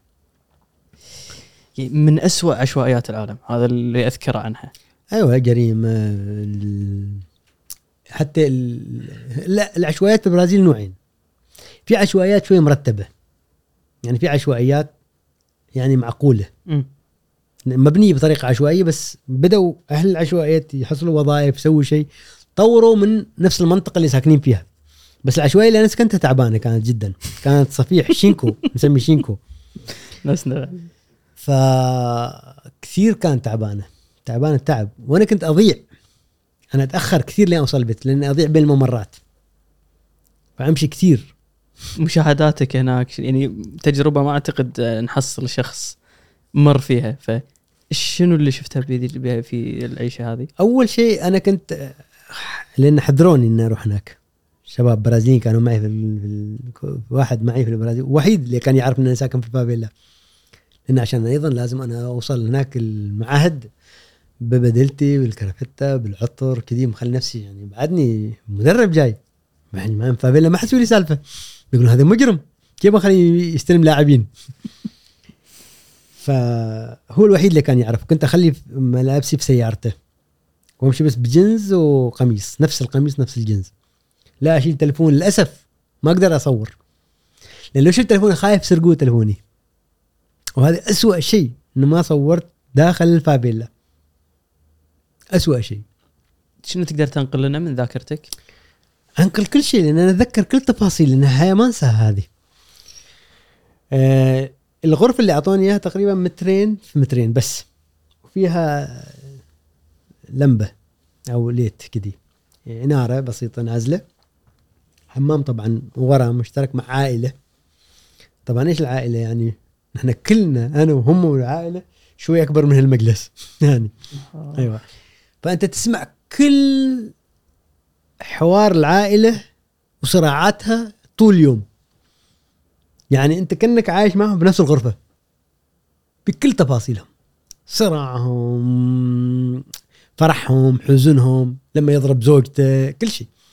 كانت شخصيات صعبة في الفافيلا وشخصيات جدا رائعة. تخيل بهالجو اللي هو مليء بالمجرمين مليء بالناس الطيبين بعد أيضا. غريب يعني. أنا اتذكر هذاك اللي كان يعطيني شاي دائما كثير أول ما يشوفني يجيب لي شاي. أنا كنت قايل لهم أنا من كوبا. أنا بسألك شلون عماني؟ لا ما قلت لهم عماني ما عمان هم أصلا عشان تقول عماني هو ما لين يفكر طويل وما يعرف. واللي يعرف عن عمان بيستغرب ليش أنت جاي وكذي. كوبا لأنه بلد ماخذين هم عنا فكره انه في حصار وفي ما أعرف إيش وكذي. وأنا أتكلم إسباني بشكل جيد فأكيد تمشي عليهم هاي الكذبة. وبعدين أنا أسمر عادي ولا كان لا لحية ولا شنب هذيك الأيام. مشت أيوه بس كذي شعر وجنز وكذي. جاي من كوبا أبحث عن عمل. مم. يتعاطفوا معك هم. هم المجرمين يتعاطفوا معك. أبسط الناس. أبسط الناس. أفقر الناس. وأطيب الناس بعد شيء. يعني غير ما كل الناس اللي في الفابيلا مجرمين. هاي ما صحيح. في ناس في الفابيلا مستائين من المجرمين اللي معهم. يعني متأذين. وفي مناطق في الفابيلا ما يدخلها الشرطه ما تقدر تدخلها. إذا صارت جريمة مستحيل. مسلحين جيش فقط يدخل كمندز واحيانا يخلوهم. يعني وايد صعب. وبوسط هالظروف تدرس كابتن. كنت أدرس أيوه. في هالغرفة هذه. هذه الغرفة أدرس وأكمل. وصارت لغتي البرتغالية تطورت شوية. صار أسهل يعني الدراسة صارت أسهل مع الوقت. بعدين نحن عندنا كثير جوانب عملية كرة قدم عندها لغة يعني مشتركة. يعني هذه يساعد أنا ما كنت أدرس طب. أنا أدرس كرة قدم يعني تقول corner يفهمها البرازيلي. corner بالإنجليزي ونحن حتى العرب نستخدمها corner هي الإنجليزية. هي ركلة ركنية يعني. صح. يعني فاول يفهمها. في مصطلحات شوي تساعد. وأيضا شغفك. الحب. أنت تحب الشيء اللي قاعد تسويه يعني أنت تحب كرة القدم؟ فسهل تدرسه. يعني لو يدرسوك مادة أنت ما تحبها صعب حتى لو بلغتك. بس شيء أنت وايد شغوف فيه. يعني شغفك عالي جدا. يعني جدا أنت مهووس تدرس وبعدين أنت دائما تفكر أنا أدرس في البرازيل. كل العالم كرة قدم. مم. تركب قطار في البرازيل يعني مترو أو باص عفوا باص ما مترو. باص البرازيل أو ترام تلقى اللي جنبك عجوز تقدر تسولف معاه عن كوره تخيل. تخيل. أبسط شيء تفتح موضوع تعرف عليه حد كرة قدم. تقول لها إيش تشجعين أنت من ريو؟ تقول لك أيوه. تقول إيش تشجعين ساو باولو ريو ما أدري إيش. إيه ساو آه ريو دي آه فلامينغو أو باسكو أو فلومينينسي. هاي أشهر ثلاثة في الريو إذا تشجع فلومينينسي بتسوي لك ربش. وبتعرف من أي طبقة اجتماعية إذا هي تشجع. آه. الريو تعكس صح. لأن فلومينينسي ناس طبقة اجتماعية شوية راقية. الري ال- الفلامينغو الفاسكو دي جاما شوي غير بس الفلامينغو وبوتافوغو الناس العتالين والناس الجماهير صاخبة وما أعرف إيش. وتبدأ تسولف معك وأنت جاي هنا إيش تسوي؟ آه جاي تدرس تدريب. وايد. آه تشوف كارلوس ألبرتو توريس. أول ما تقول لها شوف كارلوس تصير ملك. على حسه هو تصير ملك. تقول لا أنا أشوف زاغالو أشوف آه زيكو. آه كيف؟ تقدر توديني؟ لا أنت عجوز وش وديك هناك؟ أرجوك وديني يعني تصير صديقتك تعطيك إيش تريد خبز إيش تبغى. يعني بلد سهل التعامل مع الشخصية البرازيلي تكوين الشخصية البرازيلي مختلف. البرازيل لأنها خليط من الشعوب. أكثر من أي بلد في العالم. في البرازيل بتلقى حارة كاملة يابانيين. حارة حارة. هاربين من الحرب العالمية الأولى والثانية. ومسوين حارة بيوت بنفس التفاصيل اليابانية. وما يتكلموا إلا برتغالي خلاص بعد أولاد اجيال وبتلاقي عرب من أصول لبنانية. وبتلاقي من أصول هندية حتى.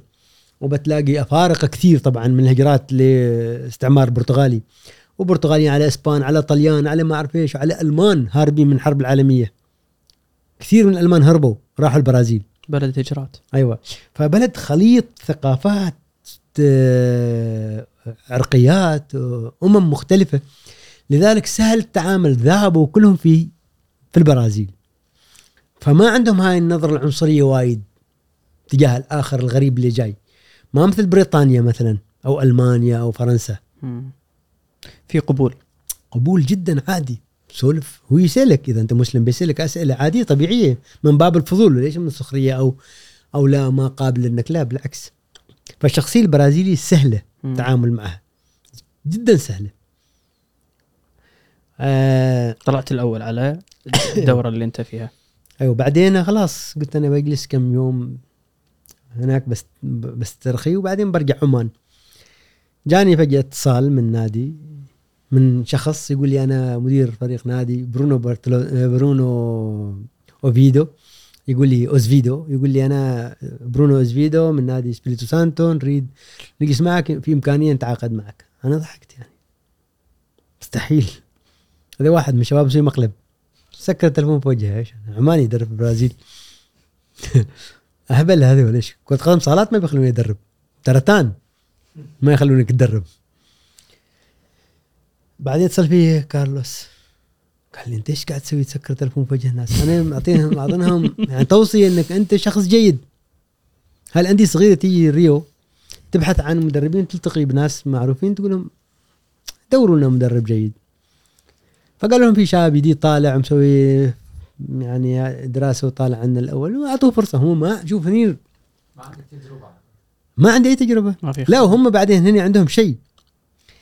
ما يقول لك هذا ما برازيلي هذا عماني بعطي تجربة ما هذا أدري إيش. سؤالي شلون يعني؟ أنت متمكن؟ تاخذ فرصتك. تاخذ فرصتك. نحن في الخليج متمكنين أبناء البلد ما ناخذ فرصتنا لازم أجنبي يجي. لازم واحد كندي واحد ألماني واحد ما إيش. عندنا عقدة نقص غريبة. مم. في الوطن العربي بشكل عام ترى. عندنا لا لازم خواجة. طيب عندك ناس آه، العرب العراقي زها حديد أكبر مبدعه زويل ما أعرف عندك عرب أفضل أطباء عرب مهندسين عرب برا يحصلوا فرص. صح. كارلوس منعم صار رئيس. رئيس دولة كبيرة. ليش أنت يعني ما نحن في دولنا لا عادي أنت تنتظر تجلس تخيس مثل ما يقولون.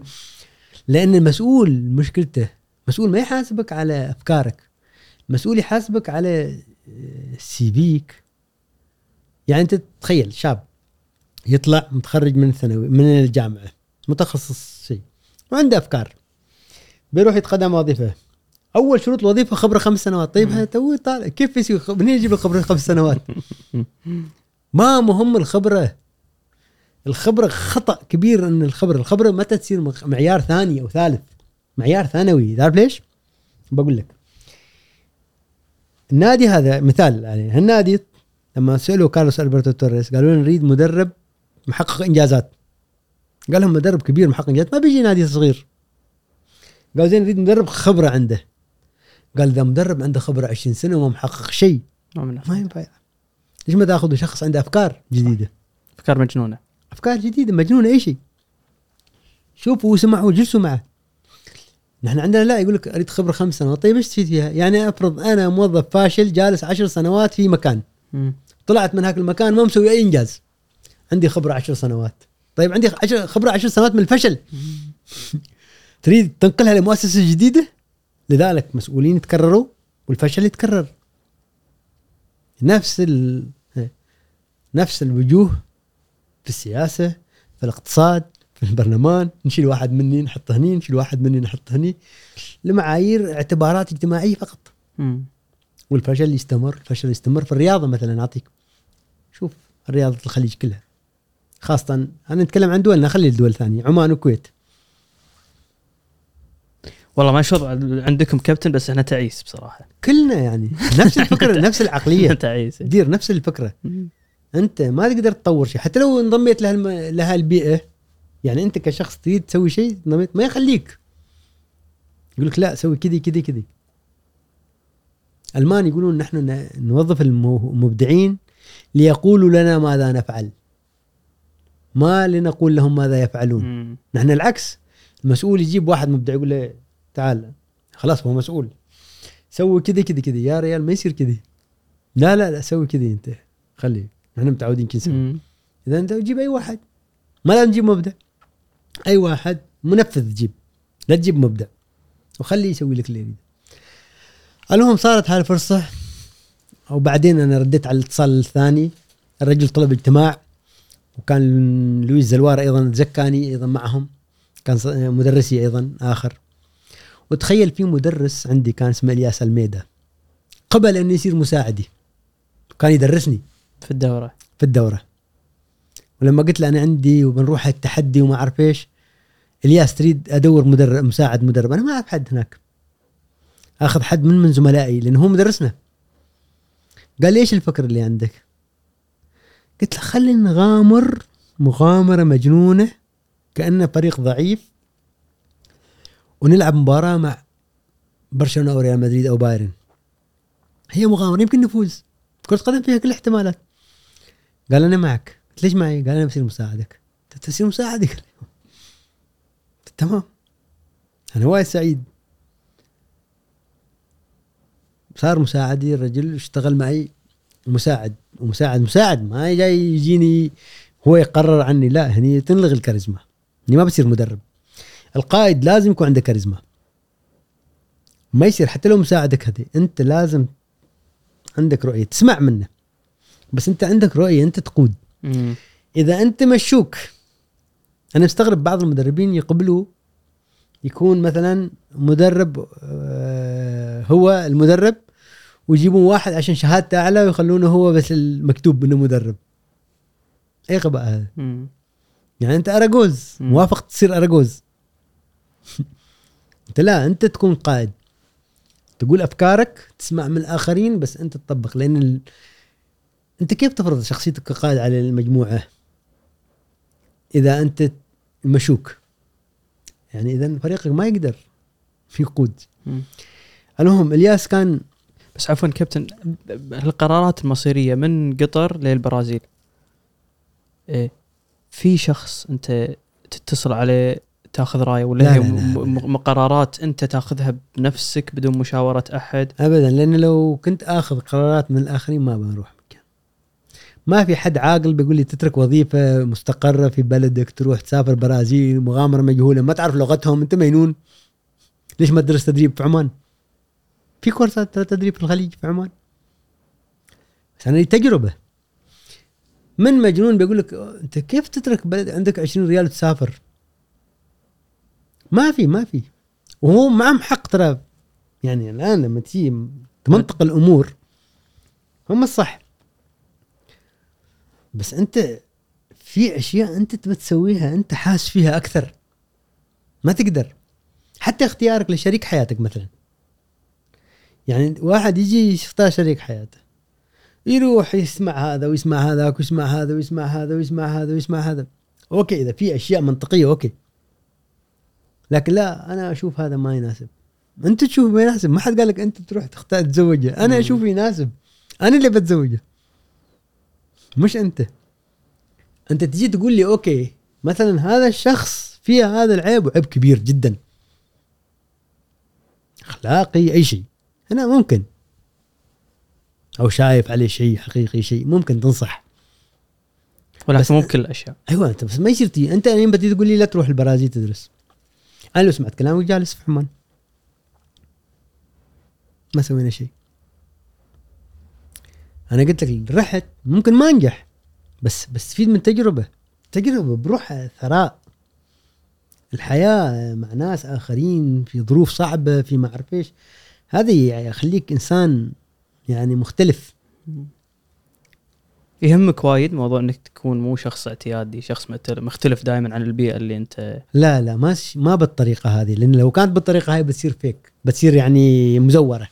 بأي معنى؟ بمعنى أنت ما مجرد لازم ما يكون هدفك مجرد إنك تكون مختلف. في ناس تلقاها الحين جديد طالعة تريد تصير مشهور. زين؟ هو بس يصير مشهور. زين كيف؟ يسوي يقدم محتوى تافه. يتنطط مثلا. عادي بصير مشهور الناس تستغرب بهالنوع فعل. بل هل بتحبه؟ هل تقدر قيمة اللي تسويه أنت؟ لا. أنت لما تفكر إنك بتصير مختلف عن الآخرين إذا أنت تفكر بهالطريقة أنت ما الأشياء لازم تكون حقيقية. أنا ما أريد أصير مختلف. أنا ولدت مختلف أو أفكر بطريقة مختلفة لأن أنا أفكر بهالطريقة. والآخر يفكر أيضا الآخر ترى مختلف عني مش معناته أنا صح أو أنا أفضل. أنا أنا مقتنع بهالقناعات لأن أنا أفكر بهالطريقة. بس وأنا أشوف إن أنا عادي. الآخر أكيد بيشوف إن أنا مختلف لأنه هو يفكر بطريقة مختلفة. والآخر مختلف. واحيانا في أشياء عموميات الناس تشارك فيها مثلا. يعني هذا اللي مجموعة من الناس اللي تحب تعيش حياة عادية بسيطة مرتبة يدور وظيفة يشتغل في وظيفة يروح يتزوج فلانة يجيب أولاد يروحون البحرين يرجعون. أوكي؟ يسوون مثلا يروحون آه، يسوي مشروع صغير كافيه. نمط حياة عادية. ما هو خطأ ولا هو صح. ابدا ما خطأ. بالعكس هو يحب ترى لأنه هو اختياره هو. هذا هو الصح له. مثل ما أنا خطأ بالنسبة له. هذا الصح ترى هي لكن لما أنت تفكر تقول أنا أريد اصير مختلف عن الآخرين هذا غباء. ليش تصير مختلف عن الآخرين؟ بس كذا عبط. أنت تقدر تصير مختلف عن الآخرين؟ لا أشيل شعري نص ونص أخليه وأروح في الشارع بصير مختلف. أو أروح أشيل معي أجيب خط أزرق أسوي هني وأكتب تحت هني لا. مختلف ولا ما مختلف؟ عادي أول بس نص ثوب. نص من هني بس هاي صوب مني غير وهنا صوب مني غير. مختلف. ما فكرة الاختلاف فقط الفكرة إنك تسوي الأشياء بقناعات حقيقية. مم. أنت مقتنع حقيقة انك كذي. ما أعرف أعتقد طلعنا تشعبنا. لا، لا، أنت وصلنا. تودينا يمين لا ويسار. لا لا بالعكس. أنا لا تحت لا أنا مثبت. وصلنا أنت اليوم عينت مدرب لنادي برازيلي في الدرجة الثانية كان وقتها. آه، في دور المقاطعات البرازيلية أيوه. رئيس النادي أو الشخص اللي استعان فيك كان مقتنع فيك. أيوه. هل هذا يعني بأن شخص عماني آه، مو متمكن من اللغة البرتغالية؟ آه، كانت في شكوك انت مقبل اليوم أنت قائد ل آه، فريق فني فريق إداري لاعبين. شوف نادي الفعل؟ نادي إسبريتو سانتو كان مليء بالمشاكل عشان نكون يعني هذه والرئيس كان صريح جدا حتى مدير النادي قال نحن عندنا مشاكل. اعطني ملف المشاكل كلها أول شيء. أنا قرأت كل المشاكل شفت وايد صعبة. بس أنا في النهاية بغامر. ابرزها يعني مثل مثل شنو المشاكل؟ مالية آه يعني؟ نلعب في كل المباريات في ملعب الخصم. ما عندكم ملعب؟ لا الملعب آه، ما دافعين رسوم البلدية. نادي. آه. حتى ملعب تمرين ما عندنا. تخيل يعني الوضع كيف كان مأساوي. آه، ما كان عندنا باص ينقل اللاعبين. أنا واصل في مرحلة وايد صعبة.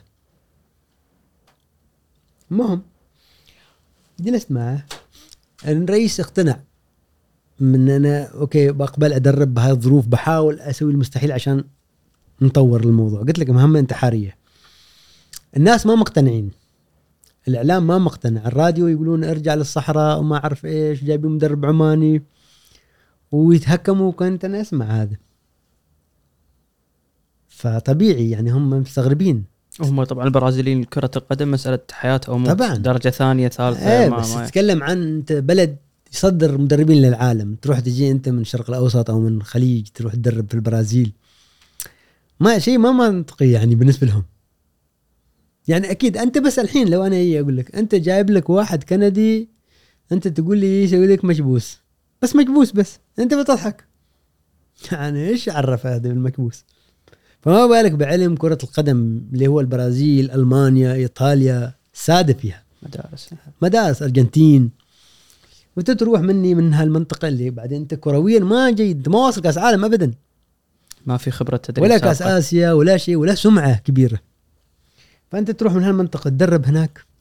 ما مستصيغين كانوا حتى الإعلام ما أعرف إيش. هذا خلق عندي تحدي آخر. المسألة ما بالجنسية ولا بالعرق. ولا العلاقة بالعربي أو غير عربي. هم كلهم عربي عربي طايحين طول الليل فلها والمحللين يضحكون ضحك سخرية. اللاعبين حتى أنا شفت وجوههم ما متعظين ما مرتاحين. قررت أول شيء أخلي الأمور حتى مدرب اللياقة اللي كان عندنا كان كان في النادي قبل. ما كان يعني يقبل أي أفكار جديدة. يقول لك أنا دربت كم سنة أنت كم سنة جاي؟ الحين متخرج. طبعا أنا مانع الياس أو أي حد يتدخل. لازم أنا القائد هنا تفرض هيبتك. أيوه ما ممكن. يجي يقول لك لا بس أنا ساعد أنا كنت مدرس وأنا كنت ما. لا لا أنت ما تدخل أنت مساعد مدرب.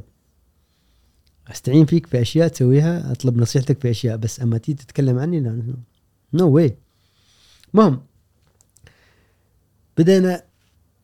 قلت لهم أول شيء ما بنغير شيء. أنت مدرب لياقة كبير بنشتغل نفس النظام اللي أنت تشتغله. ارتاح قال أكيد طبعا.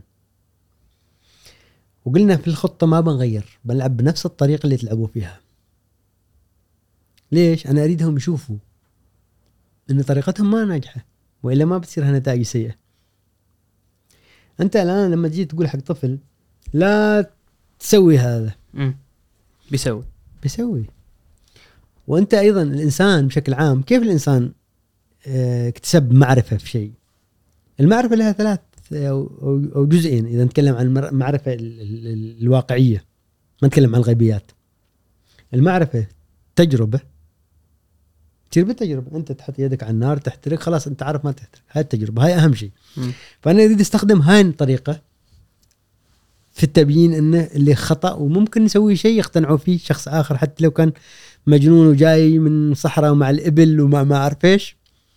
ما مشكلة سمعوني. سوينا انهزمنا 3 0 وصارت ربشة وفوضى والناس كلها تضحك أكثر. فجمعت اللاعبين قلت لهم الآن سوينا نحن اللي تريدونه. بس عفوا كابتن قبلها وين ملعب تدريب؟ الباص ال- ملعب بالباص خذينا واحد كان اسمه في الشارع في الحارة اسمه دودو. هذا شخصية هامشية. آه، قلنا له تعال. أنت أهم واحد في الفريق. هو شخص يريد يكون مشهور. ودائما يمشي مصلخ ما لابس شيء كرشه برا. وأي مشكلة يحلها ويدخل في مشاكل ويسوي مشاكل بين الناس. يعني شخصية وايد مؤثرة في البيئة. فقلت له تعال أنت هو جاني قال لي لازم تنتقل من هني. بس هو يدخل بحياتك كذي. وين أروح معي. جزء من النادي ولا لا لا التقيت فيه؟ الحارة. التقيت فيه. أيوه هو له علاقة بالنادي لأن كل النادي تابع للحارة. جزء من الحارة وكل مكان موجود. يعني اجتماع تلقاه واقف. شرطة اثنين بالنازعين تلقاه موجود. ما أدري إيش. كل شيء. طلاق موجود زواج موجود كل شيء موجود. فالنوع شخصيات إذا أعطيتهم مسؤولية تقدر تستفيد منهم.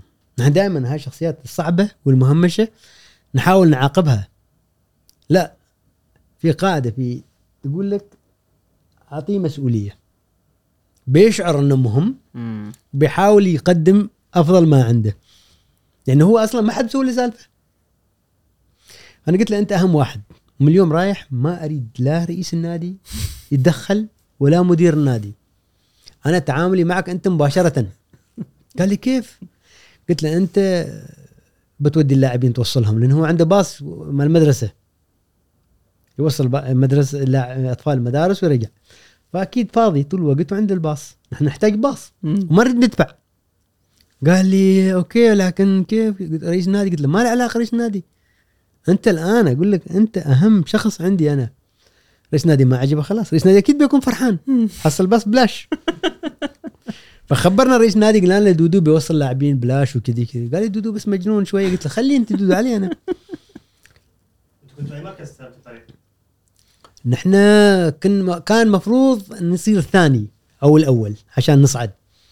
نحن كنا تقريبا كان عندنا باقي كم مباراة؟ سبع مباريات شيء تقريبا كذي. كنا متأخرين. بس كان في أمل إن نلحق. يعني كان في أمل. النقاط فارقها ما أيوه النقاط فارقها ما كثير. وما كان عدد الفرق كثير. يعني عدد قليل. المهم دودو اشتغل شل لاعبين الباص وكان كل يوم يتكلم عن خطط ويتكلم عن طبعا إحنا نخليه يتكلم ويعطي محاضرات اللاعبين يضحكون. أعطيهم تحفيز أعطيهم شيء عشان هو يستمر الشغف ماله مستمر يصير. بعدين ال- الملعب حصل له مدرسة. مدرسة عادية فيها ملعب مال طلبة بس مهيئة للتمرين. فقلت لهم ودوني هالمدرسة.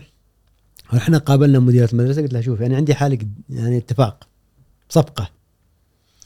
قالت إيش؟ قلت لها أنت عندكم مطعم؟ قالت أيوه. مدارسهم كبيرة فيها مطاعم فيها كل شيء. يعني هناك يأكل الطالب. قلت لها نحن نريد هذا المطعم نتعاقد معكم نعطيكم فلوس نجي نأكل معكم. انت أنتم كذا كذا تسوون أكل فزيدوا أكل. مم. بس غيروا شوية أشياء. مربحة. فرحت وايد ربح حالها يعني. عدد 30 شخص بيجون ياكلون وجبتين أو ثلاث وجبات يعني. شيء كبير بالنسبة لها. يعني ربح. نحن كذا كذا بندفع حق مطاعم. بندفع حق أكل. لذلك نحن إيش بنسوي نستغل هذا الموضوع وناخذه بسعر أقل هي بتفرح. بس بشرط يعطونا الملعب نتمرن فيه. لأن قلت له ما نقدر نتمرن بعيد. كأن عندنا ملعب أصلا. ما عندنا شيء. قلت له ما نقدر نتمرن بعيد. نلعب هنا عشان ناكل على طول. قالت أوكي. هذه ساعات دراسة اللي يستخدمون الملعب ونحن نسوي مواعيد تمارين ساعات مختلفة وخلاص. حلينا هالمشكلتين الرئيس طار من الفرحة طبعا. استمرنا بدأنا نلعب غيرنا طرق التدريب. صار كل تمرين ما في تمرين لياقة بدون كورة. هذا بعد خ... أنت انتظرت إذا الخسارة 3-0 أيوة، خسارة عشان غيرت. هم يستوعبون بانه نغير الآن تغيير صار واجب. تغيير. لأن اللي نسويه أنت اللي تعرفوه ما يدي نتيجة. خلونا نجرب شيء جديد. ليش التمرين يكون بدون كوره لازم يكون حافز. تخلق حافز للشخص. أنت لو تقول حل واحد اركض من هنا لهناك ويرجع ما في. لكن حط زجاجة كولا. قول حال اثنين. ركضوا. ليسبق ياخذ الكولا؟ تنافس يخليه يركض أكثر أسرع. مم. كولا بسيطة ترى شيء بسيط. وكنا نسوي. كنا نجيب زيات آه كولا كنا نسوي أشياء وكنا نسوي تحدي وكنا نسوي رهان بينهم. من افضل يصير وكنت أدعو نساء اللاعبين أو حبيباتهم أو أمهاتهم تمرين. دائما يكون ملتزمين قدام أمهاتهم وايد رائعين كذي. ودخلت الكنيسة في في الفريق لأنه كانوا كثير ناس مرتبطين بالكنيسة. مم. رحت الكنيسة كنت أخطب في الكنيسة. إيه، رسالة السلام للمسيح للبشر لما أعرف إيش. عشان أدخل في منظومة الناس. فزنا صار الناس تحبنا يعني كثير تفاعل صار جو أسري كثير. هذا يخلي الفرق تقدم أفضل. مم. آه، الفارابي عنده نظرية يسميها المدينة الفاضلة. يقول المدينة الفاضلة من يسعى سكانها للخير ومن يسعى سكانها للسعادة آه، المثالية. مم. كيف تحقق هاي السعادة المثالية بنظر الفارابي؟ إن كل سكان المدينة يتعاونوا عشان يوصلوا لهاي. يعني ما يصير أنت ترمي آه، زبالة في الشارع والآخر يريد ينظف. زين؟ ما يصير أنت حتى هو كشخص كجسد أنت جسدك أعضائك كلها تتعاون عشان تسوي شيء. أنت الحين عشان تمشي يدك تتحرك. عيونك تشوف الشارع ساقك تمشي. ما يصير أنت ساقك واقفة وعيونك تشوف تريد توصل انك واقف وما تقدر تمشي. فكل أعضاء الجسد أو أعضاء المدينة أو الفريق هذا روح العمل. يكونوا مع بعض. أنت كيف تشرك المجتمع معك في النادي يخدم هدف الفوز؟ فنحن اشتغلنا استغلينا هذا الموضوع. يعني أنت مو مجرد الفريق ووصلت لا، لا، لا. للمجتمع كله بانه هذا ما. يصلح أنك بس فقط مجرد فريق. نحن ما أعطونا مثلا لما ندرب في عمان أو شيء ما يعطوك هاي الفرصة. الوقت ما مناسب أفكارك ما تقبل بسرعة. يعني واحد يجي يقول لك لا بس كذي كذي لا ما كذي التدريب ما كذي. شوف كل الفرق الناجحة. دائما لما تحس الفريق فيه مشاكل يخسر. أبسط دليل بايرن. بايرن دخل في مشاكل طويلة عريضة خسر مع سيتي نتيجة ما متوقع أصلا. شوف روح ألمانيا في كأس العالم. دخلت في سوالف مال المثليين والعياذ بالله وما أعرف إيش وقصص وخسرت. أنت شتت نفسك وانتباهك عن الهدف الأساسي. أنت عندك لاعبين وايد رائعين في. المنتخب الألماني. بس أنت رايح في موضوع بعيد. أنت تركيزك لازم يكون على عملك. أنت حتى في في الهندسة في أي شيء في عملك أنت في البودكاست. أنت من تركز على تجيب ضيف معين أو تسوي محاور معينة وتعد بشكل جيد. تخلي عبد الله زايد يعد يسجل لك بالتليفون ويعد. تمشي أمورك. لكن إذا عبد الله تاخر وخلانا نحن ننتظر ما اعرف إيش ما بتمشي أمورك. هذا مثال بس كذي مزح يعني. بالعكس والنعم في عبد الله. الله يسعدك. ف- بشكل عام كذي الأشياء تصير. فوصلت معاهم بعدين حققتوا وقدرتوا توصلون اللي اللي هو أيوة. التأهل. لدرجه يعني شلون صارت معاملة من بعد. هذا العربي؟ هو بعد الفوز شوية بدأت تتغير المعاملة. الناس حتى تدعيك الأكل في البيت. كانوا يجيبوا لي أكل أنا يعرفوني عازب يجيبوا لي أكل ألقى سمك ما سمك ما أعرف إيش كل شيء. آه تعاملهم كان وايد رائع بعدين. بعدين حتى الصحف كتبت بشكل جيد. مم. يعني الحلم العربي ما أعرف إيش كذي. استخدمك أستقبلك عمدة المدينة. مدي... آه، وزيرة العلاقات الخارجية شافتني في ريو دي جانيرو. كان عندهم وزير للجاليات الاشياء هذه. التقيت فيه في ريو دي جانيرو في اتحاد ريو دي جانيرو للمدربين. هذا غير اتحاد البرازيل للمدربين هذا اتحاد بس من مدينة ريو دي جانيرو. بعد ال... هذا ال... الت- ال- خلصنا. أنا رحت ريو دي جانيرو رجعت. مم. إحنا كنا في منطقة أنشيتا في سبريتو سانتو. رجعت ريو دي جانيرو كانت في عندي دعوة من زاغالو. إن ترى كارلوس صديقهم زاغالو دعانا وأعطاني عضوية شرفية في اتحاد ريو جانيرو. هي ما يقبل العضويات إلا ناس سكان ريو جانيرو. أعطاني عضوية شرفية وكانت في رئيس في وزيرة العلاقات أعتقد خارجية أو شيء أو الشيء له علاقة بالتعاون الدولي أو شيء. أعطتني يعني شيء تك... درع تكريمي موجود عندي في البيت زجاجي أنا عندي صورة حتى معها في التكريم. فاستقبال ناس ما هم عندهم جنسيتك ما هذا طبيعي ترى في البداية اللي صار. فهذه الأشياء وايد يعني تخليك أنت يعني تستعيد هذه الذكريات بسعادة تطبق هالشيء وايد كابتن. لأن أشوفك تكرره بأنك تحط نفسك مكان الناس. يعني أنت مو زعلان لأن البرازيليين انتقدوك ولا زعلان بأن أهلك خذوا بخاطرهم ولا زعلان من اللي قالوا عنك مجنون. ف دائما تحط نفسك بموقف هذول الناس ولا شنو اللي تسويه بالضبط عشان ت... آه لا أنت لازم تفهم الحالة. أنت مثلا الحين شوف أنت بتقول هذا ينظر لك. أنت تخيل هو فعلا لازم تحط نفسك مكان أنت تخيل الآن. أنا قلت لك نحن أعطيتك مثال نحن لو جايبين واحد كندي يسوي مكبوس بنقول إيش هاي؟ مم. طبيعي. هاي الاشياء طبيعية. هذه أنت عليك تبددها بسلوكك بأفعالك. بعد أنت لازم يعني ما يصير تفكر عن الناس. يعني واحد سوى ظاهرة معينة. ليش سوى هذه الظاهرة؟ لازم في سبب.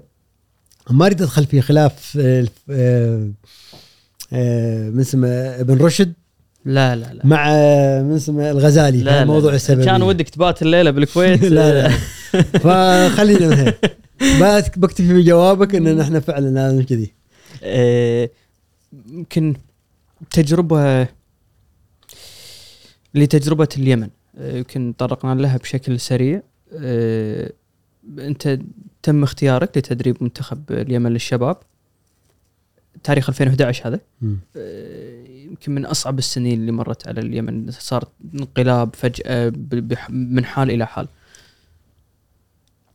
أنا ودي أسمع منك أنت الكلمة مرة ثانية اللي لما قعدت تفكر بأن هل يجب علي أن أستمر بعد ما بدأت. المشاكل.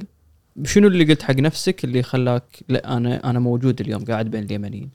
شوف الانقلاب اللي صار أو الثورة اللي صارت في الربيع العربي كان ربيع دموي في اليمن ما كانت مظاهرات فقط. كانت في طرفين مسلحين يتقاتلون. علي محسن الأحمر كان عنده جيش وعلي عبد الله صالح عنده جيشه طبعا.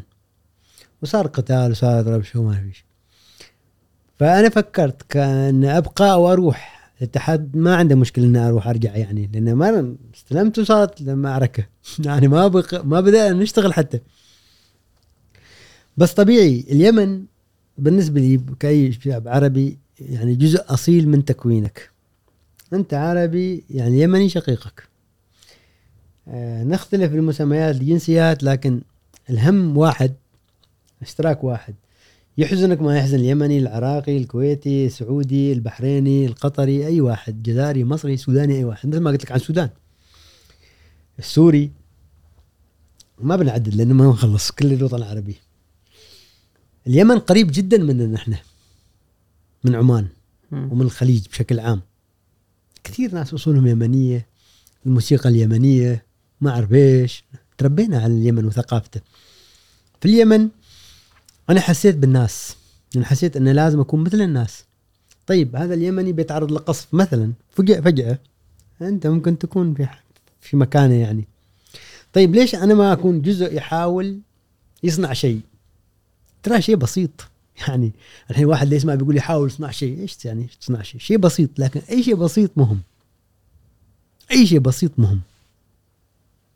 أنت لو بس فقط تساعد أي حد شخص واحد في اليمن أنت قمت بعمل عظيم. أول شيء واجبك هذا الأخلاقي تجاهه التزامك الأخلاقي تجاهه. ثاني شيء طبعا هو يستحق أخوك وكذي هالأشياء كلها. وتحقق ذاتك أنت أيضا لما تكون تسوي فعل خير. ما فقط بس عشان هو عشانك أنت أنت تتكامل أو تحاول تصير أفضل.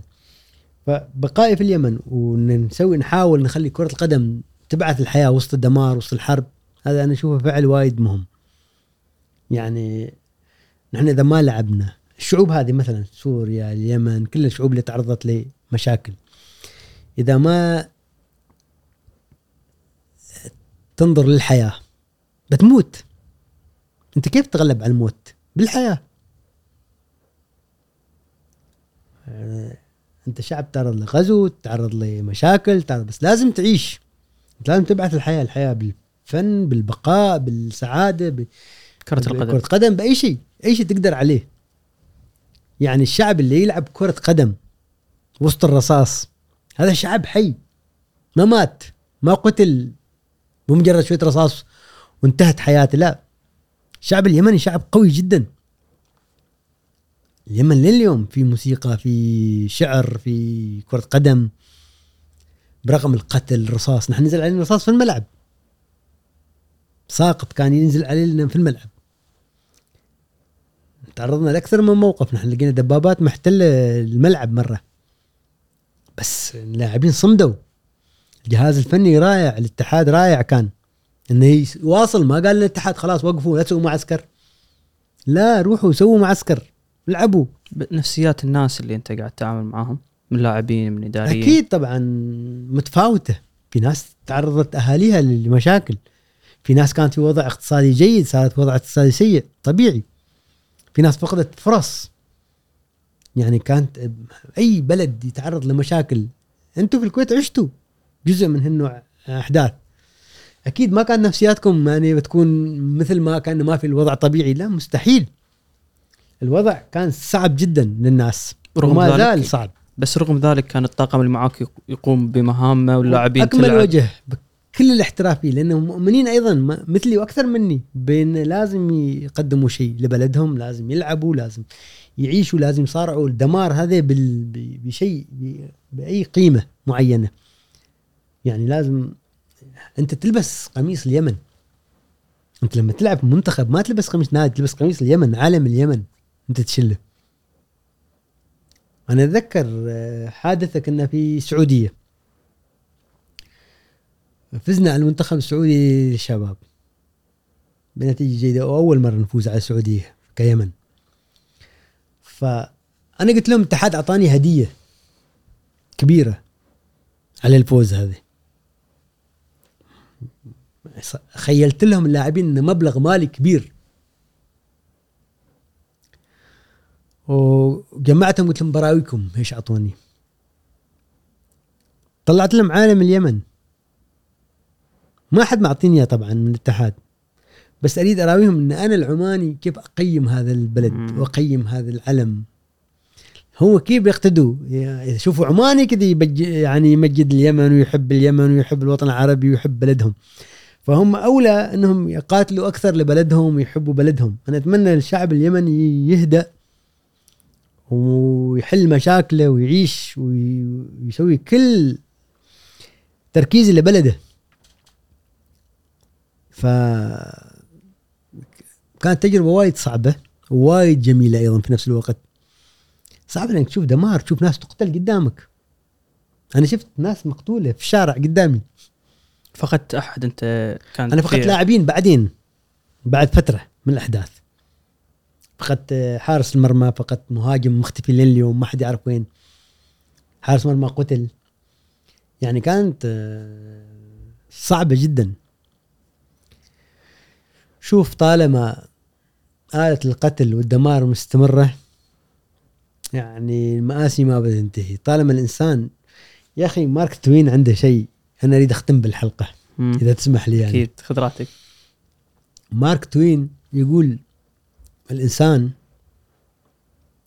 أكثر يعني آه، أقل مرتبة من سلالة الحيوانات. سلالة الحيوانات مراتب. أقل مرتبة تصل الإنسان. إحنا كنا فاهمين إيش الإنسان أعلى مرتبة والحيوان من من الحيوانات يعني. صح؟ فليش يا مارك توين كذي؟ يقول الإنسان الحيوان الوحيد أو الكائن الوحيد اللي يقتل بني جنسه. أنت ما تشوف كلب يقتل كلب. ممكن يقتل اجناس ثانية. وبدافع الغريزه غريزة. البقاء الجوع يخلي يقتل القطة. أما قطة عادية وتجيب له كلب أكل ما يقتلها لذلك تلقى بيت فيه قط وكلب. ما جوعان. بس الإنسان لا طمعا. يقدر يقتل بني جنسه. تخيل. وإنسان يكذب على بني جنسه. ما في حمار يكذب على حمار. وإنسان يسرق بني جنسه. وهي بدافع إيش؟ هو قادر يعيش. بس يريد يصير أغنى. طبقة مسحوقة يريد يخليها أكثر مسحوقة ويصير يزداد غناء هو أكثر غنى. ويريد يصير هو الأفضل ويريد يصير هو الأقوى. هذه كلها نزعات أنانية في الإنسان. فالإنسان لازم يتخلص من هاي مسألة إنه هو يريد يقتل الآخرين عشان يصير هو الأقوى يحكم إيه، مصالح دولة على دولة مصالح آه، أطراف في دولة معينة. بشكل عام أنا أتكلم. يعني دولة أحيانا روحها تتقاتل. طائفة مع طائفة جنون هذا كله عبث. مم. فكيف إنسان لو تفكر فيها يعني يوصل لهالمرحلة؟ أنه يصير أقل مرتبة من مراتب الحيوانات. مم. هذاك يعني هاي مقولة ما يجب وايد نحن نفكر فيها. يعني لذلك لو كنا لو كنا نفكر بهالطريقة ما بنتقاتل. إحنا كلنا نقدر نعيش ترى مع بعض. كلنا كلنا. لكن ما معناته واحد يجي يقول لي مثلا الحين عشان بس يقول لا خلاص إذا انت عايش مع إسرائيل واقع وانت عايش لا لا. إسرائيل مغتصب. قضية ثانية. يرجع مكانه بعدين تعايش عادي. أنا أتكلم عن شخص ما يسوي مشاكل تعايش معه. اللي يسوي مشاكل لازم يكف أول شيء يده عن المشاكل. ما يتحول لأحد مراتب الحيوانات. مم. هذا الإنسان اللي يسوي مشاكل. يرجع لرشده ويصير إنسان يعني أفضل شوية. تعايش معه. جزاك الله خير كابتن.